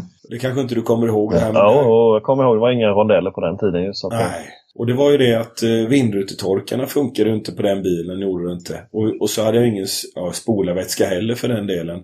Och det var ju grisigt, en sån här riktig Smålandsvinter som det är på kusten. Så då hade ju stängt upp hela rutan fullt med, med ja, skit. ja, Så när ja, jag skulle göra den där vänstersvängen så inser jag när jag kommer där och börjar blinka att fan, jag, jag ser ju ingenting. Men här någonstans är det jag ska svänga. Vad fan ska jag göra? Kom ihåg jag sa till honom. Vad ska jag göra? Ja, jag svänger. Och så bara körde jag och drog den där vänstersvängen på chans.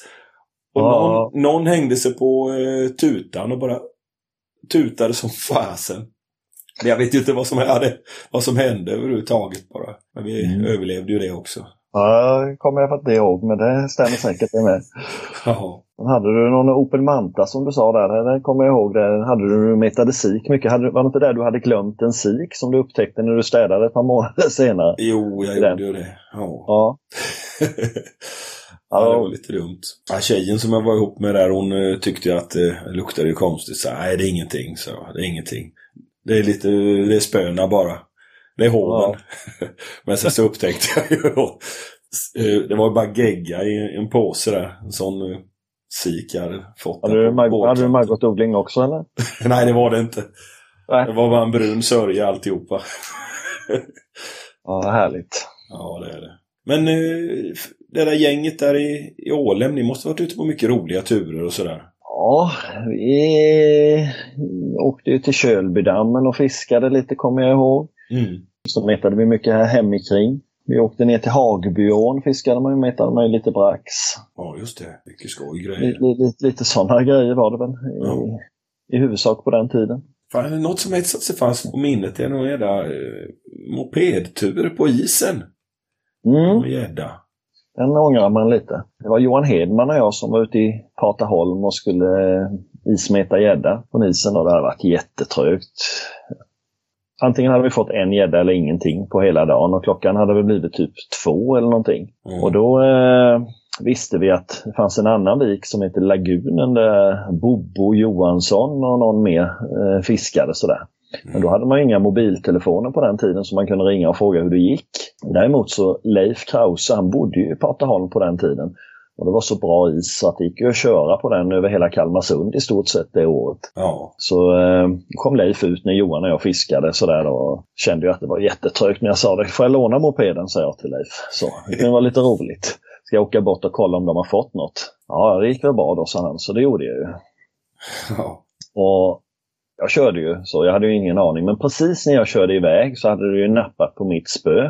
Eh, så. Men det visste ju inte jag att det nappade. Men jag åkte ju bort till dem och pratade med dem och sen åkte jag ju tillbaks. Och när Ja. jag kom tillbaks så då, bara flinade ju de två där så. Jaha. Och då var det ju så att då var det ju en stor gädda som hade nappat och den vägde ju 11,9 kilo kommer jag ihåg. Då, på, på mitt spö där då. Och på den tiden hade man ju inga mobilkameror eller sånt där så att de kunde visa korten. Men däremot så hade de ju tagit massa kort med min kamera så man fick ju gott vänta till man hade framkallat Åh. de här korten eh, ett tag senare då och se till, till rullen var slut. Fy fan vad se om det- jobbigt. Om det här var sant eller inte eller om de bara skojade med mig. Ja, ja, Men ja. eh, det var ju faktiskt sant. Ah, fy fasen. Eh, Ja, det måste svidigt att få betala Ja, för var- framkallningen där och se. Ja, det var lite, lite jobbigt. Ja. Han, bru- han brukar ha flyt, Leffe. Ja, det är han. Är ju. Leif är ju väldigt målinriktad. Det finns nog ingen som är så målinriktad som han i hela det här landet. Nej. nej. Jag skulle vilja säga så. Men samtidigt så är han ju, han har ju lyckats med i stort sett allt han har företagit sig. Ja. Så är det någon som är egentligen kanske Sveriges mest framgångsrika fiskare så är det nog han. Skulle jag Ja. vilja säga. ja, verkligen. Ingen som har fångat fler stora fiskar än vad han gör. Sen eh, som sagt så, så, så, så går han ju kanske över lik ibland men det, Hur många arter är han uppe i? eh, Fasen. han har fått typ 73 eller någonting tror jag. Storfiskarter då. Ja, jag kan säga att jag skulle inte kunna rabbla upp eh, 50 ens. Nej, det är imponerande. Ja, det är det. Men det är han, han, väl, han väljer ju sina fiskepass. Han fiskar ju egentligen ingenting där det inte finns chans att få något riktigt stort. Han fiskar ju inte så mycket. Han fiskar ju inte mer än vad en annan gör. Men eh, han vet ju var och när och hur Ja, han ska lägga de där passen. ja precis. Man kastar inte bort något på att sitta och meta något, eh, någon färna någonstans där det finns fisk Ja, ja. upp till två halvt eller något. Utan, Ah, det kanske han gör. ja, kanske han gör. Ju- Just, just Färna tycker han gör rätt så skoj. Så att, eh, och det, det tycker jag med. Ja, ja, det är jäkligt kul fisk faktiskt, måste jag säga. Jaha, men vad fasen, om man tittar på framtiden sådär, vad var det för du drömmar och sånt på fisket? Jag vet inte, jag tar, tar det med ro faktiskt. Mm. Ja, eh, ett mål är väl att få de här 50 arterna. Sen får man se om det trillar in någon, någon ny fiskart. Så. Men eh, det är ju lite västkustturer som krävs för att man ska lyckas med det här. Det blir väl någon Norrlandstur kanske med försök kanske på indianlax. Ja, Jag har varit uppe och fiskat lite Kanadaröding ett par gånger där uppe i Landesjön. Det tycker jag är väldigt roligt och lärt känna en där uppe som bor. Så ja, blir säkert kanske någon mer gång i livet att man Ja. gör det. det verkar vara väldigt spännande. Kan man fiska på lite olika vis det där va? Ja, eh, vill man bara fånga arten så är det ju väldigt lätt att få dem på bottenmeter egentligen. Om man åker ut och fiskar där det är väldigt djupt. Man har som någon liten blinkpilk och sen så agnar du med lite mask eller någonting så. Det brukar vara väldigt effektivt. Och det har ju fångats en del väldigt stora på det med faktiskt. Eh, jag har inte fått någon stor på det men eh, var ju några andra killar som fick någon som vägde i alla fall över fem kilo. Och sen testade ju vi det där fisket, Fredde och jag, när vi var där också. Då fick ju faktiskt Fredde en som vägde 10 och, ja, mellan 10 och 11 kilo, en kanadaröding. Oj, oj, oj. Annars är det ju så att ska man fiska kanadaröding i Landesjön så ska man ju vara med ofta i, i början på maj där. Man har inte så lång tid på sig innan det blir varmt i vattnet för då blir det mycket svårare. Mhm. Men det här bottenfisket då, då kan man ju faktiskt fiska hela sommaren. Men då innan det blir för varmt, då flötestrålar man va, eller?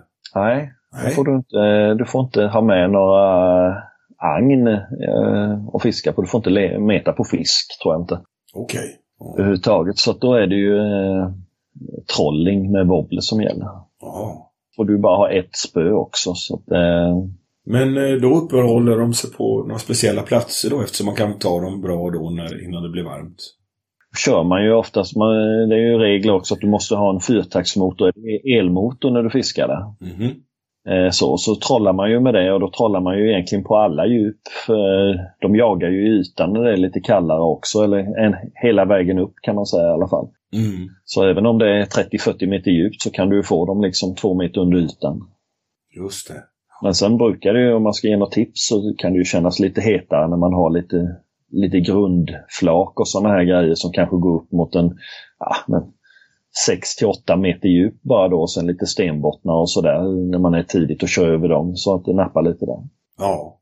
Ja, just det. Jag är så nyfiken för jag, jag vet ingenting om det här fisket egentligen. Ah, Det finns ju så himla mycket att upptäcka. Jag vet när vi var där för ett par år sedan där då fick vi se en sik ligga i ytan. Helt nydöd var den så, som låg och flöt där. Jag tror den vägde 4,5 kilo. Åh herregud.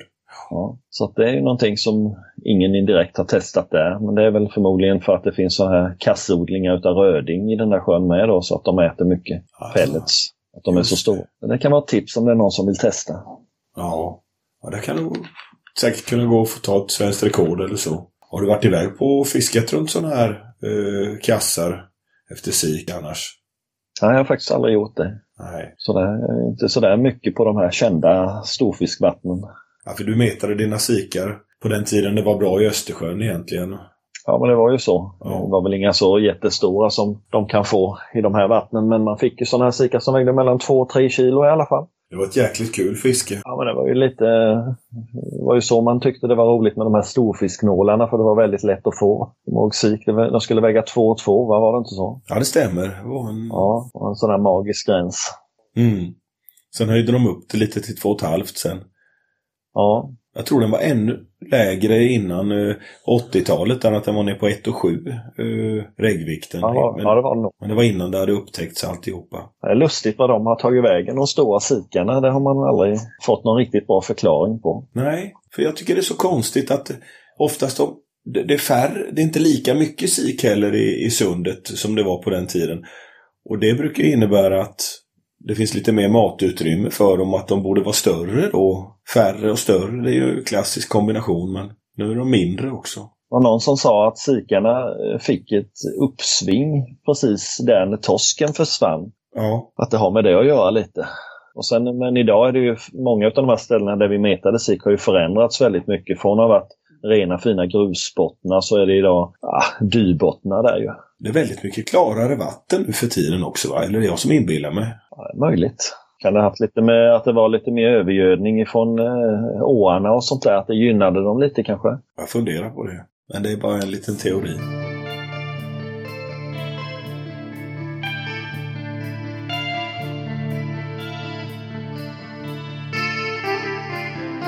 Men du Anders, jag funderar på en grej.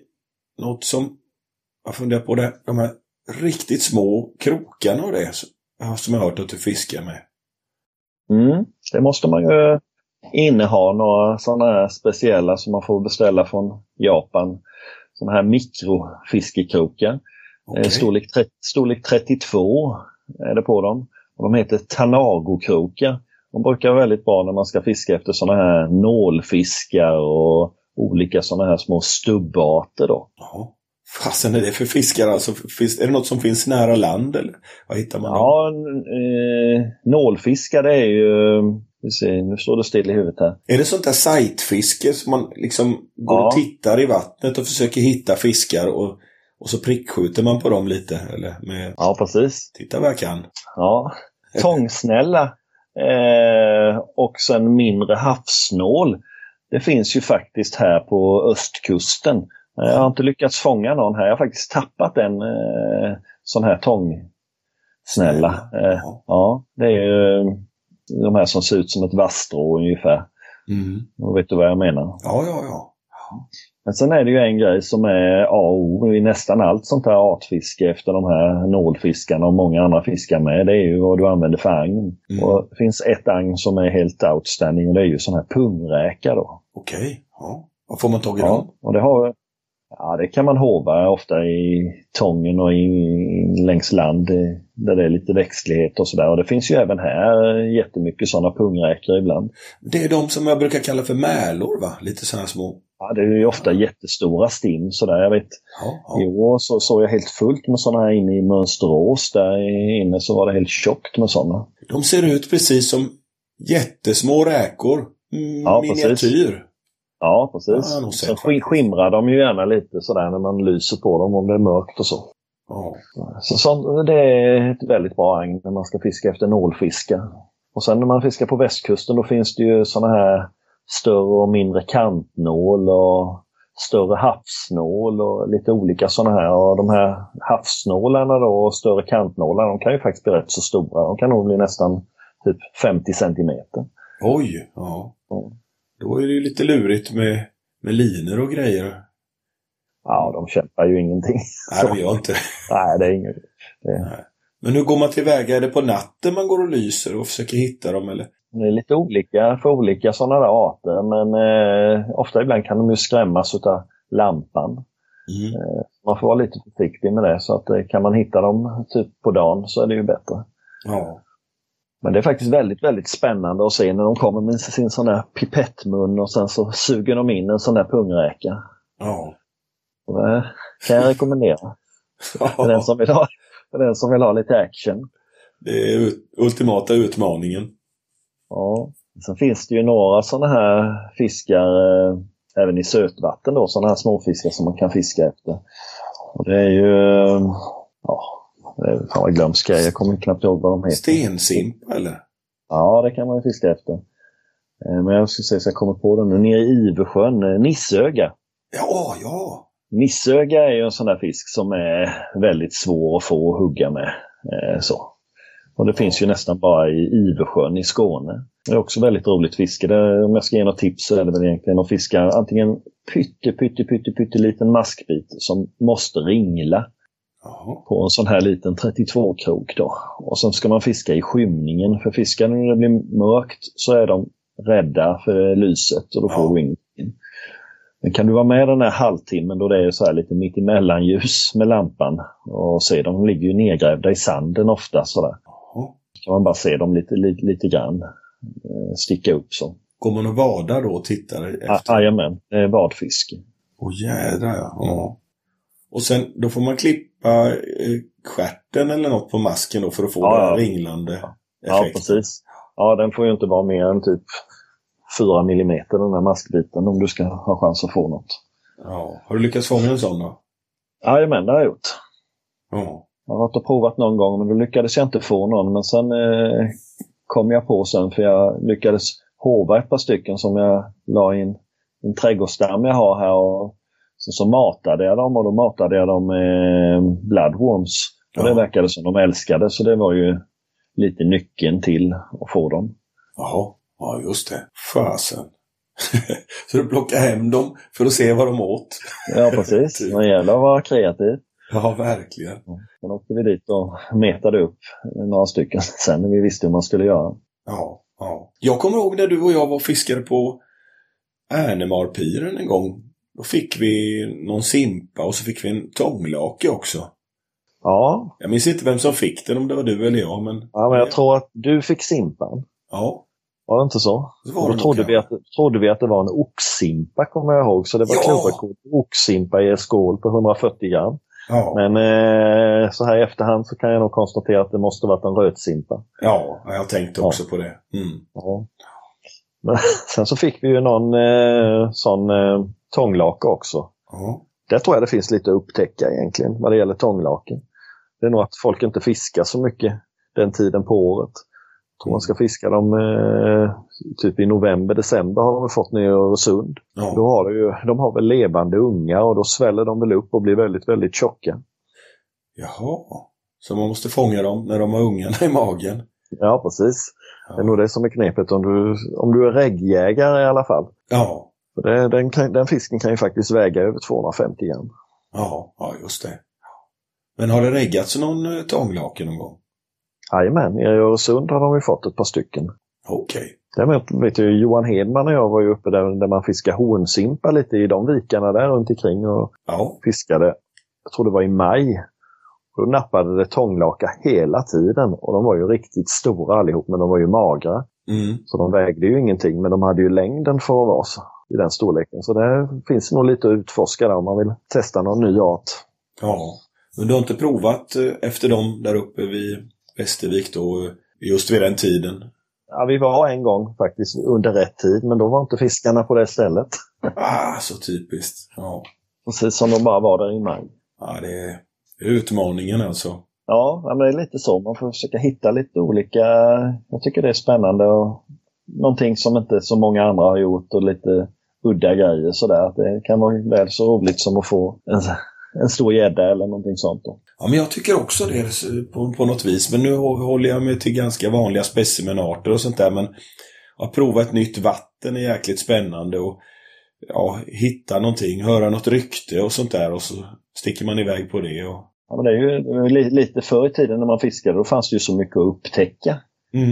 Eh, Så, så som kanske ingen direkt hade koll på att det fanns eh, stora fiskar i just det här vattnet. Och det var ju så vi växte upp. Man fick vara med och upptäcka många sådana här grejer. Vilken, vilken glädje det var egentligen när man hittade någonting. Och Ja. nu, ska vi, nu ska vi vara hemlighetsfulla. Det här ska vi inte säga till någon. Ja, visst, ja, visst. Men Ja. eh, nu, nu är de som börjar fiska, nu har de det lite serverat faktiskt. Man kan åka till Rögle och man kan åka till Osmån och sånt där. Man vet hur man ska fiska. Man vet vilka riggar som gäller och vilka beten som ska fiskas. Jag tänker mycket ibland på Hossmån där till exempel. Där fiskades det inte så mycket braxen då på, eh, när, vi, när vi var yngre. Men det fanns ju väldigt mycket braxen där. Jag vet hur man kunde se att det rullade och rullade fisk. Men det var aldrig de där idiotstora fångsterna i början. Utan då var det mera hagbiån som gällde. Ja, jag måste faktiskt erkänna att jag har nog faktiskt aldrig fiskat brax i Hossmån. Nej, det har inte det nej. Även om jag bor fyra mil ifrån. Ja, det är inte klokt. Däremot så har jag fiskat mycket, mycket. Vi fiskade ju mycket i Misthults skärgård där ju. Det var ju himla roligt fiske. Ja, Komma dit en vårmorgon där när solen steg och, och braxarna var på gång och började leka. Det bara kokade i viken. ja vad härligt det var. Ja, Då nappade det alltid de där första timmarna i gryningen. ja det var ju lite så. Men du, jag tänkte på de här silverruden. Har ju blivit, silverruden har ju blivit en ny art som man har börjat att, att regga. Är det något du har provat eller? Jajamän. Jag har funderat på det i flera år men det har inte blivit av. Men sen i år så hade de ju eh, konstaterat att det är helt rena silverrud och de blir godkända i storfisken och så vidare där. Så att, eh, då tänkte vi att då, då gör vi en resa. Så jag och Sten Sture Jönsson och Andreas Ekfeldt faktiskt eh, gjorde en resa dit Mm. tillsammans i, i somras här. Och då hörde till saken att eh, vår vän Leif Krause hade ju varit där veckan innan då och fiskat. Han hade väl fått ett 60-tal tror jag silverudor. Ja. Nu är vi på Gotland och vi är i en å som de reggade från. Vad heter den nu igen? Näsån. Närsån, ja. Just det. Eh, så där, dit åkte vi och fiskade. Eh, jag tror att Leif när han var där, han hade fått, om det var en eller två då utav de här 60 som hade vägt över ett och tre som var, eller storfiskgränsen på det här nu då. Det verkar ju vara en väldigt glupsk fisk egentligen. Det är inte som vanliga ruder. Det är mer som att meta brax. Om man säger så. Man har sk- skivemeter, det går ju givetvis att flötmeta också, men eh, skivemeter med feeder och eh, majs, maggot, Inga krångligheter. Det, det bajsmask. Ja. Det verkade vara melodin, men det brukar ju inte vara så bra för vanlig ruda att meta så. Nej, men det funkar. De, de, de klipper på och det blir goa braxhugg och... Ja, men lite så. Kämpar faktiskt väldigt, väldigt bra också. Så vi åkte ju dit i alla fall och då började det med att vi fick ju några stycken, eh, men inga sådana jättestora. Men sen lyckades ju Andreas få en då som vägde typ 1400, ja strax, strax under 1500. Om den vägde 1470 eller 1490, det kommer jag inte ihåg. Det var något sånt där i alla fall. Mm. Och det, blev ju, det var ju svenskt rekord. Och då får man ju vara väldigt noga då när man får en silverruda hur du ska dokumentera den. Det är lite andra krav än eh, vad det är när du tar en vanlig storfisk och ska skicka in.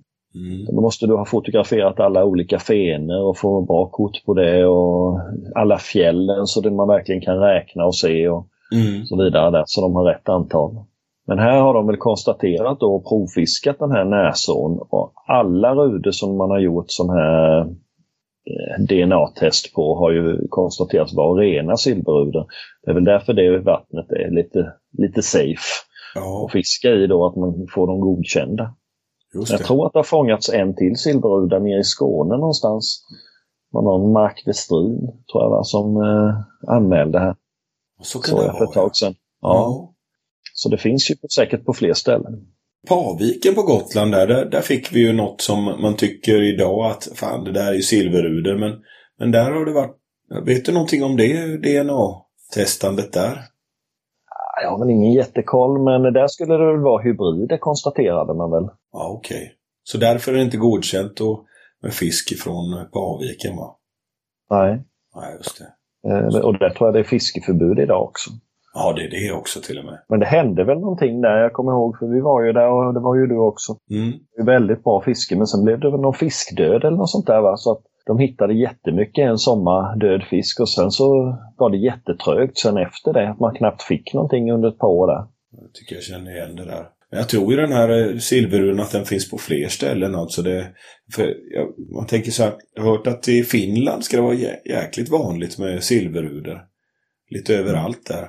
Jag vet att Tomba brukar prata om det, att det, den sprider sig Mm. som tusan här i Finland. Ja, men så är det nog. Det, jag tror att egentligen många ruder, om vi säger skärgårdsruder här i Kalmarsund, det är nog mycket silverruder. Ja. Jag tror, eller jag vet, jag pratade med Carl-Johan Månsson eh, där och han hade väl provfiskat upp i eh, Hornsjön på Öland och fått silverruda där uppe. Mm. Som de hade konstaterat och testat att det hade varit ren silverruda. Det kan ju vara något att testa för den som är sugen. Hornsjön, Öland alltså. Upp på norra där. Ja, det hade varit lite roligt. Har du inte funderat på att åka dit själv?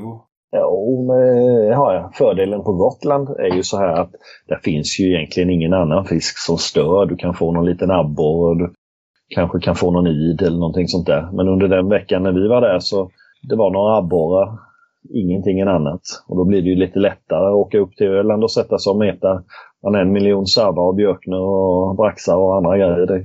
Kanske inte är riktigt detsamma. Nej, just det. Just det. Ja, då har man dem att tampas med också. Ja, Går åt lite mäsk och lite extra tålamod. Ja, det är väl det. Men sen i alla fall så det gick ju bra även för mig i den där resan. Jag lyckades ju faktiskt få en som vägde en bit över 1,5 en silverruda. När vi var där så. Så den blev ju faktiskt svenskt rekord under ett par dagar innan Nicka Hellenberg Ja. visade var skåpet skulle stå. Ja, för han klippte den som är gällande rekord just nu va? Ja, precis. Vägde den? 1600 någonting va? Ja, det var något sånt. 16-1700 där. Jag tror nog att det är rätt så rimligt om man skulle lägga lite tid. Så, så det går nog gränsen där kanske vid 1,8 någonting sådär. Sen är det nog lite svårare. Ja. Det gäller att få rätt fisk. Jag kommer ihåg den fisken jag fick var ju väldigt lång. Så där. Hade den varit tjock så hade den ju vägt 1,6, 1,7. Ja. Men det är en relativt lätt storfiskart för den som vill åka och, och plocka. Ja. Så det är alltid, alltid trevligt att vara på Gotland också på sommaren. Man kan kombinera det lite med någon semestertur kanske. Precis, precis. Du är iväg och fiskar lite med ungarna också ibland ju. Förr var det vanligare. Då var vi med i den här artjakten lite där med, eller jag med grabbarna där. Det var ju en av dem som var lite mer engagerad än den andra. Mm. Och det gick ju bra. Så, så vi på, då har man väl, om jag minns rätt, är det två månader på sig på sommaren där som man fiskar. Och då ska man försöka fånga så många arter som möjligt. Så att jag tror att det blev någonstans där mellan 60 och 70 arter någonting där något år på de här månaderna då. Jösses ja. Det var mycket Ja. bilresa och Ja. Jag minns att jag träffade er på Gullmarsfjord. Där okej. var ni och fiskade lite plattfiskar och grejer. Ja, det är roligt. Gullmarsfjorden är ett roligt ställe.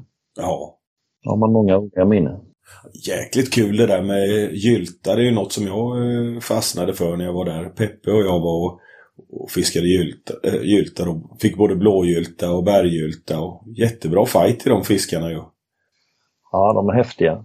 Ja, de blir väl lite trögare i själva Gullmarsfjorden sådär. Det, är nog, de har, det har nog, fisketrycket där har nog gjort att det inte är lika lätt längre att få några lite större sådana här gylter idag. Än det var förr. Jag tyckte det märktes redan då när vi var att eh, fasen, det var inte alls, eh, jag tror, kom vi över kilot ens? Eh, tveksamt till det. Kanske var vi som hade dålig koll men vi fick ju mycket gylte men, men det var svårt att kliva över kilot tyckte jag. Jag tror jag fick Ja, någon sån här ja. 950 grammar som störst. Då pratar vi bärgyltar då ju. Det är Ja. de som blir i den storleken. Blågyltorna blir inte riktigt lika stora. Nej, just det. Så en är 550 gram och det har faktiskt inte jag fått heller. Det har jag fått på 540. Så Mm, där var vi nosade lite på eh, fyra hektos gränsen där för mig. När vi... Så det, det gick lite bättre för oss då. Där var vi lite närmre. ja, de är ju så himla vackra med, med färgerna. Ja, verkligen. Verkligen fina fiskar. Eh, häftigt att de kan byta kön också. Ja, för hur är det nu? De är ju röda eh, när de är små, då är de honor. Sen när de blir äldre och större så ändrar de ju färg och blir ju då blåa. Med, kan skifta i gult och rött, orange och Mm. blått. Då ju. Och då är de ju hanar då när de blir äldre. Vad konstigt alltså. Verkligen. Vad heter de? Rödsnäppa eller någonting? Eller vad? Röd... Rö, rödnäbb, Rödnäbb är det när de, när de är små där ja. så kan de kalla dem. ja. Jäkligt kul fisk. Har du något eh, tips där du kan bjussa på sen eh, till mig? Om jag skulle vilja åka iväg och hitta något annat bra ställe än Gullmarsfjorden? Ja, men det finns, men man måste ju ha båt. Ja. Jag kan säga att vi har varit ute vid någonting som heter Väderöarna och fiskat. Eh, massa skär som ligger där ute som är precis lagom djup runt omkring. Där tror jag det har varit svenskt rekord en gång i tiden. Jag tror det är han Bosse Hall som har haft på berggylta innan som har fångat där. Mm. Där är det riktigt bra medelvikt på berggylte och blågylte faktiskt. Okej. Om man fiskar där. Det var ett fint tips där. Ja, Ja, mycket arter det finns alltså. ja men det, det är häftigt. Ja. Jag råkar ju veta att du har varit iväg på något annat också ganska nyligen nu i höstas. Fiskat Mm. efter lite tonfisk. Mm. Vi har ju ett team i det här tonfiskprojektet som har varit med under ett par år här och fiskat efter dem. Och det är ju någonting man alltid har drömt om när man kommer ihåg när man var ung och läste om de här tonfiskarna som fångades på 50-60-talet i Öresund. Så då tänkte man att det där är ju aldrig någonting man kommer få uppleva. Det var synd man inte levde då. Ja, precis. Och sen hände det ju någonting, jag tror det var 2017, eh, kanske till och med året innan, att det började bli lite observationer av tonfisk eh, på svenskt vatten Ja. igen. Så då eh, startades det ju ett tonfiskprojekt då, där man har fått bidrag för att eh, märka dem och ta reda på lite var de tar vägen och var de håller hus Mm. när de inte är här. Och då har man kommit underfund med att sportfiske är ju den skonsammaste metoden för att ta reda på det. Då. Mm. Så det handlar ju om att försöka fånga en tonfisk, få in den till båten, lämna över den till en märkbåt Ja. som sedan eh, märker den med antingen en satellitsändare eller en, ett akustiskt märke, kallar de det tror jag. Jaha. Ett akustiskt märke är en, en grej som det finns massa sådana här transpondrar utplacerade i, i världshaven på massor av olika ställen. Mm. Och där då så märks eh, när de här fiskarna simmar förbi en sån här transponder då. Ja, ja. Och sen så finns det ju de här satellitsändarna men de är ju mycket dyrare. Jag tror en sån här sändare den kostar enorma pengar. Okej. Så, som man märker dem med. Och de är ju programmerade att släppa efter ett år. Jaha, jaha. Då. Och sen när de flyter upp så kan man då få information ifrån dem. Men man kan få ännu mer information ifrån dem om man lyckas hitta dem. Mm. Och vad som är lite roligt är att när de väl flyter upp så kan, man, så kan de pejla dem då och se var de flöt upp. Och då åker de alltså folk dit och letar efter de här ute i, i tomma intet i havet. Okej. Och, och lyckas hitta de här då ju. Sportfiskare då, eller vem som Ja. helst? Som är... Ja, det är ju sådana som har riktat in sig på det lite för det är rätt så stora belöningar om man lyckas hitta en sån här. Ja, Det finns ju, om jag inte ihåg vad det heter riktigt exakt, det här tonfisk Itak eller någonting sånt där tror jag det heter. Som eh, har en belöning för alla sådana här grejer som de hittar då. Jag tror att det är, vad kan det vara, 1000 euro eller någonting sånt där om du hittar ett sånt här märke och lämnar in det. Åh jäklar, ja. ja. Så hittar man eh, något lustigt på någon strand någon gång då, då ska man vara rädd om det. Ja, precis. Hur ser en sån där ut då? ja, eh, Vet du knappt själv? ja, det vet jag knappt själv faktiskt. Nej. Men i alla fall så har vi varit med några år då och det är ju faktiskt inte sådär jättelätt att få upp en tonfisk. Få hugg, det har vi haft varje år. Ja. Men att få upp dem är inte lika lätt. Det är ju enormt starka fiskar. ja. Vad kör man med för linor och grejer liksom? Det rullar, det är jättestora grejer. Det är ju sådana här 80-pundsrullar ja. som man har då. Jag vet inte om du har sett sådana här pennrullar någon gång, de här guldfärgade historierna. Jo då, ja men på sådana utländska båtar. Ja, det finns ju 30, 50, 80 och 130 punds rullar kan man säga då. Mm. Eh, vad som är grejen är lite att eh, den måste ju rymma tillräckligt med lina. Och du vill ju gärna ha eh, en kilometer lina ungefär på rullen. Ja jäklar så pass ja. Mm. Ja, I första rusningen så är det nästan regel att de tar 400-500 meter minst. Mm. Och sen är det så man metar ju med ballonger och makrill som bete. Ja. Och när du väl hugger då, då har du kanske tre eller fyra spön ute. Då gäller det att hinna veva upp de här andra spöna eh, som du inte har huggt på och få av ballongerna och bort med det där så man hinner börja starta båten och köra efter Ja, ja just innan det. linan tar slut. Så det bara, det bara, den bara snurrar rullen liksom. ja, det är riktigt häftigt när det drar iväg. Inget annat som är närmelsevis som jag har upplevt. Det, då är det ju tuffa fighter va. Man får nästan vara två man eller tre man. Och... Ja, men vi har ju gjort så att vi har ju sett det här som ett, eh, ett teamwork. Mm. Så att vi- hjälps åt när vi gör det här. Eh, Att alla får vara med och prova och hjälpa till för det är fruktansvärt jobbigt också. Det är ingenting som man lätt gör helt själv. Nej. Det finns- Det finns de som har gjort det men eh, det, de, gör, de gör det inte två gånger på samma dag. Hur lång tid kan en sån här fight ta? Ja, jag hörde faktiskt något väldigt känt tonfiskteam som fiskade i Öresund i år som har hållit på i över åtta timmar innan de tappade fisken. Och det är ju inte helt optimalt. Nej. Eh, De som driver det här projektet de vill ju att det ska gå så fort som möjligt för att fisken inte ska få mjölksyra och ha st- störst, större chans att överleva. Då ju.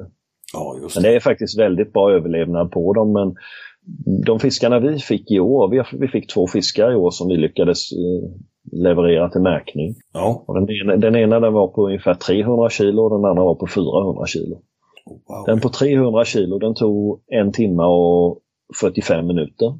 Och den Ja. på 400 kilo, då hade vi lärt oss lite hur man skulle göra kändes det som. För den lyckades vi faktiskt få in på 55 minuter. Och det, det, det är bra. Riktigt Ja, bra. jäklar ja. Alla tre, tre var med och drillade. Ja, Ja. vi hjälptes åt och det, det går åt. En ska köra båten, en ska hålla i en, en pet, brukar vi kalla den, som Mm. håller ut linan ifrån båten när den börjar närma sig där. För ofta så går de precis under båten och du vill ju inte att den ska skava av. Nej, just det. Mm. Eh, och sen så, så har man ju som någon form av huggkrok, om man säger då, som man sätter i underkäken på den då. Ja, Så man kan säkra fisken eh, när den kommer in där då. Ja. just det. Så de kan få upp den på mattan och det. På Ja, säkert så sätt. Då har man, en, har man en lina i den där kroken som, eh, och en boj i andra änden som man sen kastar över till den här märkningsbåten och sen tar de den och den linan och sen så släpper vi, för vi har också en lina Ja.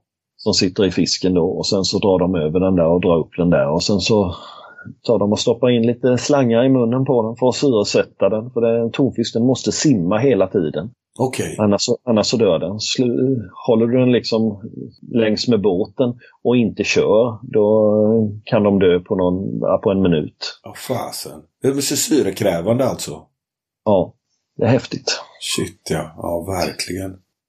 Hur ser en sån rigg ut undrar jag eh, till en 400 kilos tonfisk? Vi har ju en eh, huvudlina i flätlina då. Mm. Eh, som är på ungefär, ska jag säga rätt, är den 0,70 kanske?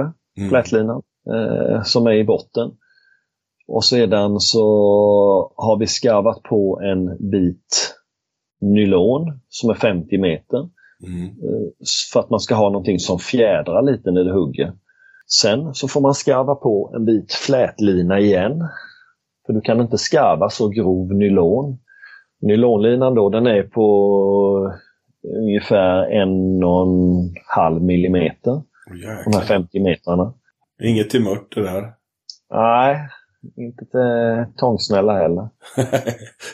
Eh, som är då. Och sen då så har vi en fluorkarbontaps som är någonstans mellan 6 och 8 meter. På den så sitter det en enkelkrok ja. som det är ett lekande i, i storlek 12-0 ungefär. Brukar 10-0 eller 12-0 brukar man använda. Jäklar ja. Och det ska vara en krok som är eh, som rostar om den skulle gå av eh, linan. Om man drillar så att den rostar bort av sig själv. Då. Så man får inte ha rostfria krokar. Vet man ungefär hur lång tid det kan ta för en sån krok att rosta eller sådär? Jag har faktiskt inte koll på Det behöver du inte. det. var snällt. Ja. Men vad var det ni gjorde då? Du sa att eh, andra drillningen gick så mycket smidigare och bättre. Vad var det ni lärde er då? Ja, men det handlar ju lite om eh, att köra lite med båten. För det är så här att när du, det, det är relativt lätt att få in tonfisken på ungefär kanske 50-60 meter. Men innan har, man ju, har vi gjort lite fel utan då har man ju liksom fått in den så den har stått precis under båten. Du, du får inte upp den, det är för tungt. Du kan inte rubba det om du får den precis under båten. Mm. Så det gäller att få ut den kanske på en 100-150 meter och sen köra lite med båten. För det trycket som blir på linan, det blir, sånt, det blir jobbigt för fisken liksom att, att hänga med där då. När du, när du kör, så man får nästan köra lite med fisken för att trycka upp den i ytan på långt avstånd då. Så du Ja. inte får upp den, eller får in den långt ner under båten då. Nej, just det.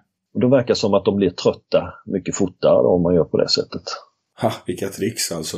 Men det måste man ha lärt sig lite från utlandet va? På de här big game-båtarna och sånt. Och riggar och allt det här. Och... Ja, så är det väl. Men sen är det väl så här att det finns ju ingenstans i världen där tonfiskarna är så stora som i Sverige. Det är Nej. det som är lite häftigt. Det är bara de största som orkar vandra så här långt, säger de. Ja, ja. Han du ta någon bild och grejer och så här på de här fiskarna? Ja, men några lite halvdana bilder eh, har vi lyckats få. Men jag har förstått, man, man, man ska inte skylta med det här riktigt va? De tycker inte att det, det är inte det det går ut på liksom. Utan Nej, ett det är det. forskningsprojekt och... Mm. Så är det ju. Det är lite restriktioner kring eh, publicering av bilder och sådär. Det är ju så som, som sportfiskare så är det ju väldigt roligt att få en sån här fisk och många firar väl eh, när man Ja. lyckas få det och tycker det är väldigt roligt. Och det, det, det blir inte så bra när det kommer ut i lokalpressen. Nej, nej, just det. Ja.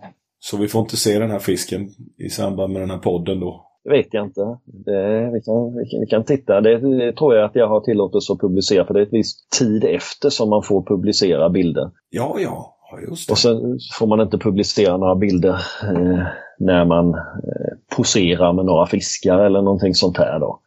Nej. Utan det, det får ju vara i så fall någonting när man lämnar över den eller någonting sånt där till märkbåten. Ja, just det. Ja, det vore väldigt kul. Väldigt skoj vore det att se din ål också, den där på 2,7. Har du någon bra bild på den med? Ja, det, det är ing, ing, ingen som är inlagd i det digitala men det går väl att ta ett kort på. Ja, det gör det. Men Anders, du sa att eh, karp, det var ingen fisk som du hade fastnat för så här. Men jag råkar veta att ni har ju ett litet eh, karpvatten du och polarna. Stämmer inte det? Ja, ja nej, men det stämmer. Vi har ju fått lov att släppa i lite fisk i en eh, grävd damm. Ja. Vi har släppt i lite störar. Och det är ju lite roligt för det, mig veterligen så finns det väl inga fiskevatten i Sverige där som innehåller stör. Som man kan åka och fiska till. Däremot i Danmark är det ju jättevanligt. Du har inte varit där i Danmark förresten? Nej, jag har faktiskt inte varit det. Nej. Men det kanske man skulle göra. Gu- Gustav där, min kompis, eh, han har ju varit i Danmark där så han har ju fått några sådana här 50 kilos belugastörar och lite sånt där. Ja. ja. Jag såg bilder på dem. Det var riktigt häftigt alltså. Det var Ja, det. är säkert roligt någon gång sådär men sen vet jag inte riktigt om det är så. Det Om jag förstått det rätt så de här stora fiskarna de har i Danmark de köper man väl i den storleken ifrån typ Italien eller någonting sånt där. Jaha.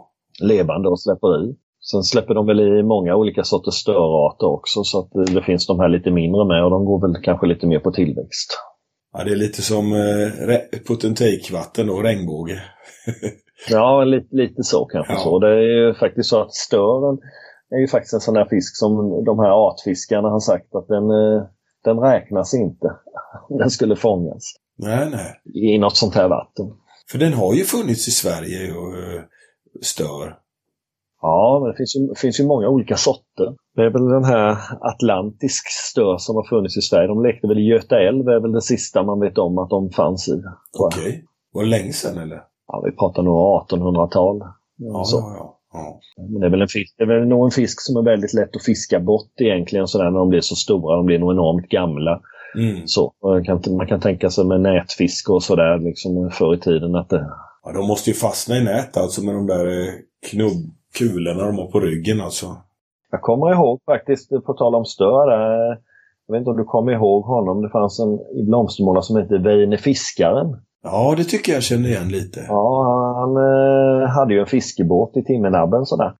Eh, och en dag när jag kom där nere i nabben, jag kom, om jag skulle hova löjer eller någonting jag skulle ha sådär, så sa han till mig, här ska du få se någonting du aldrig har sett, sa han. Då hade han en gigantisk stor tvättmaskintrumma sådär.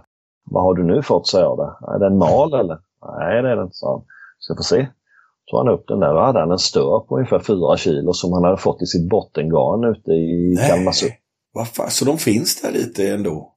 Ja, men de påstår väl att det har skett en del utsättningar i Ryssland som har eh, förirrat sig iväg i Östersjön. Så det väl, har ju fångats en och annan så i, i nät utav yrkesfiskare.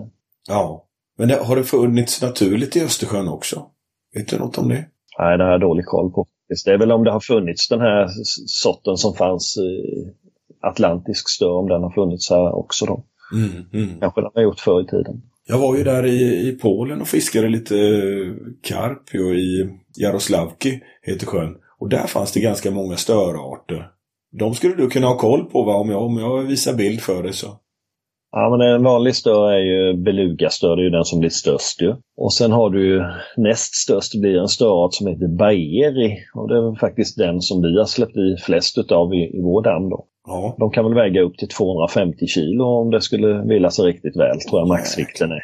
Ja, ja. Medan belugan kan väga över ett ton då. Det ska man kanske inte tro att de blir så stora i Sverige, men det kanske vore rimligt att det kanske kunde bli 50 kilos fiskar någon gång i framtiden. Ja. Ja, verkligen. Vad häftigt alltså. Och sen är, har du ju diamantstör, är ju en vanlig störart också. En sån tror jag jag fick. De är ju nästan de vackraste störarna kan jag tycka sådär med mycket taggar och grejer. Just det, ja, det man fick passa sig så man inte skar sig på dem.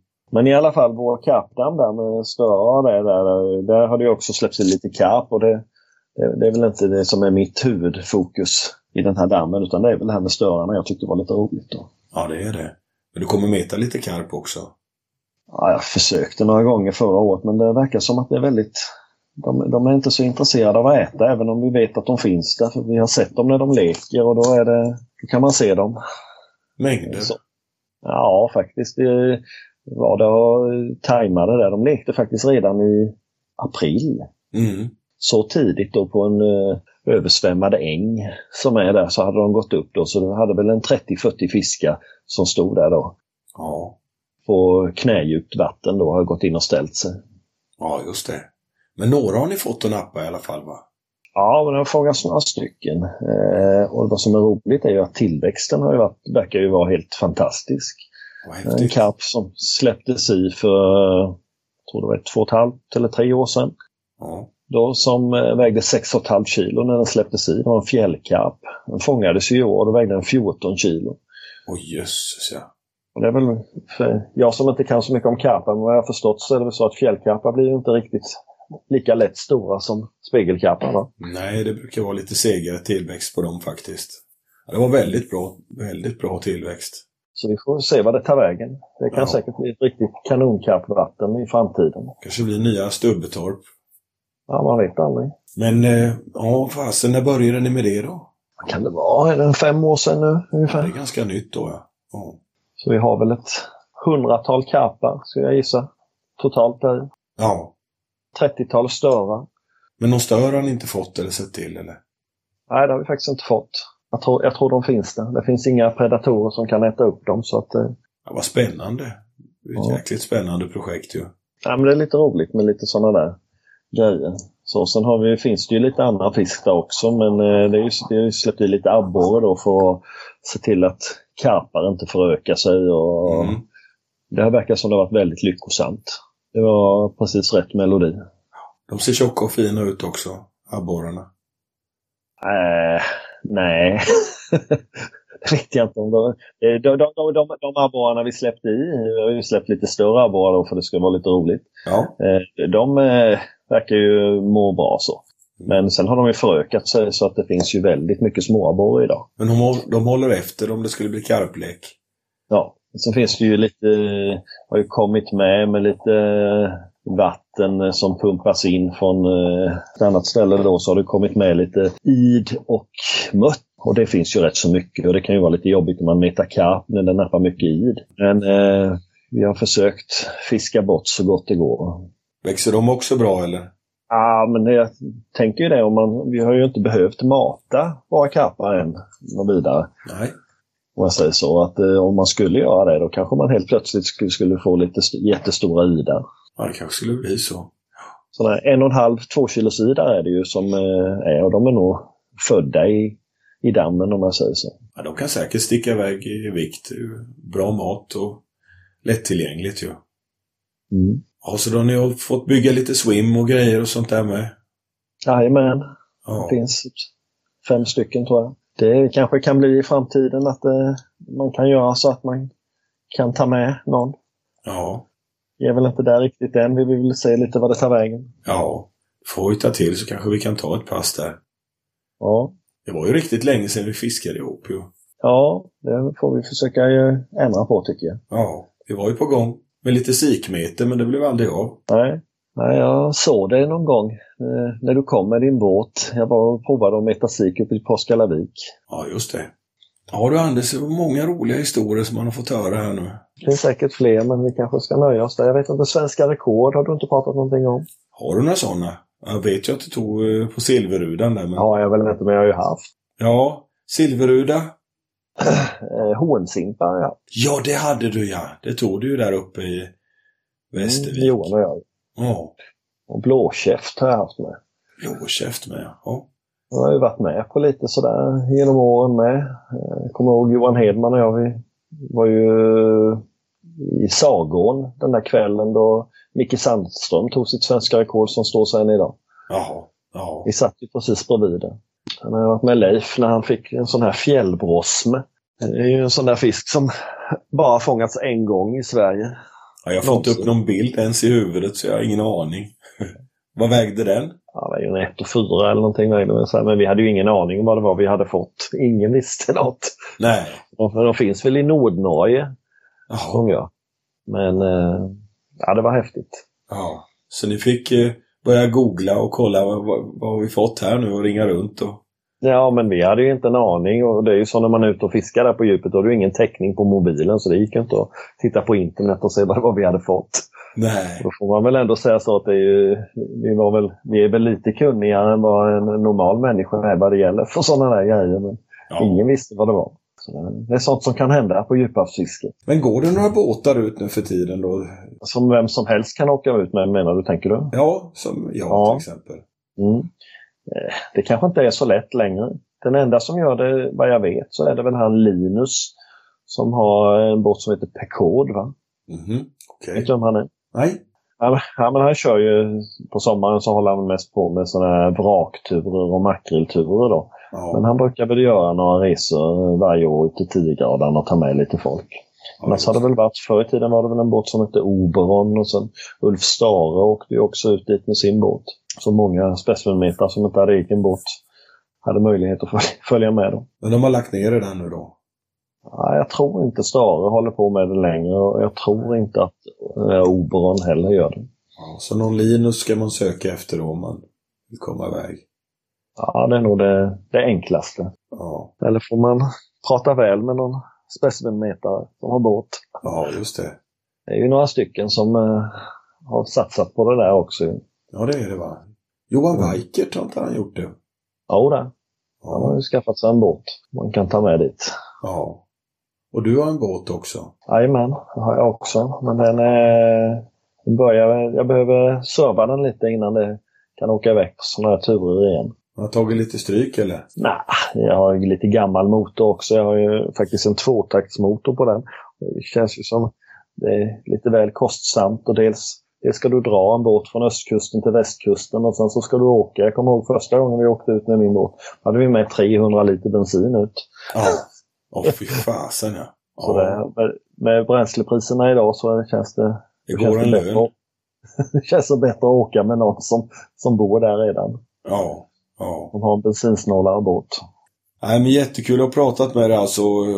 Jag tycker verkligen att vi ska ta något pass ihop framåt vårkanten när det börjar komma lite värme. Mm. Hitta på något sånt där roligt projekt. Jag vill prova något sånt där lustigt fiske. Ja, ja, vi får se vad vi kan hitta på då. Ja. Ja, men det var roligt att, att vara med. Ja. Vi hörs. Tack så jättemycket. Ha det bra. Ha det bra. Mm, hej. Hej.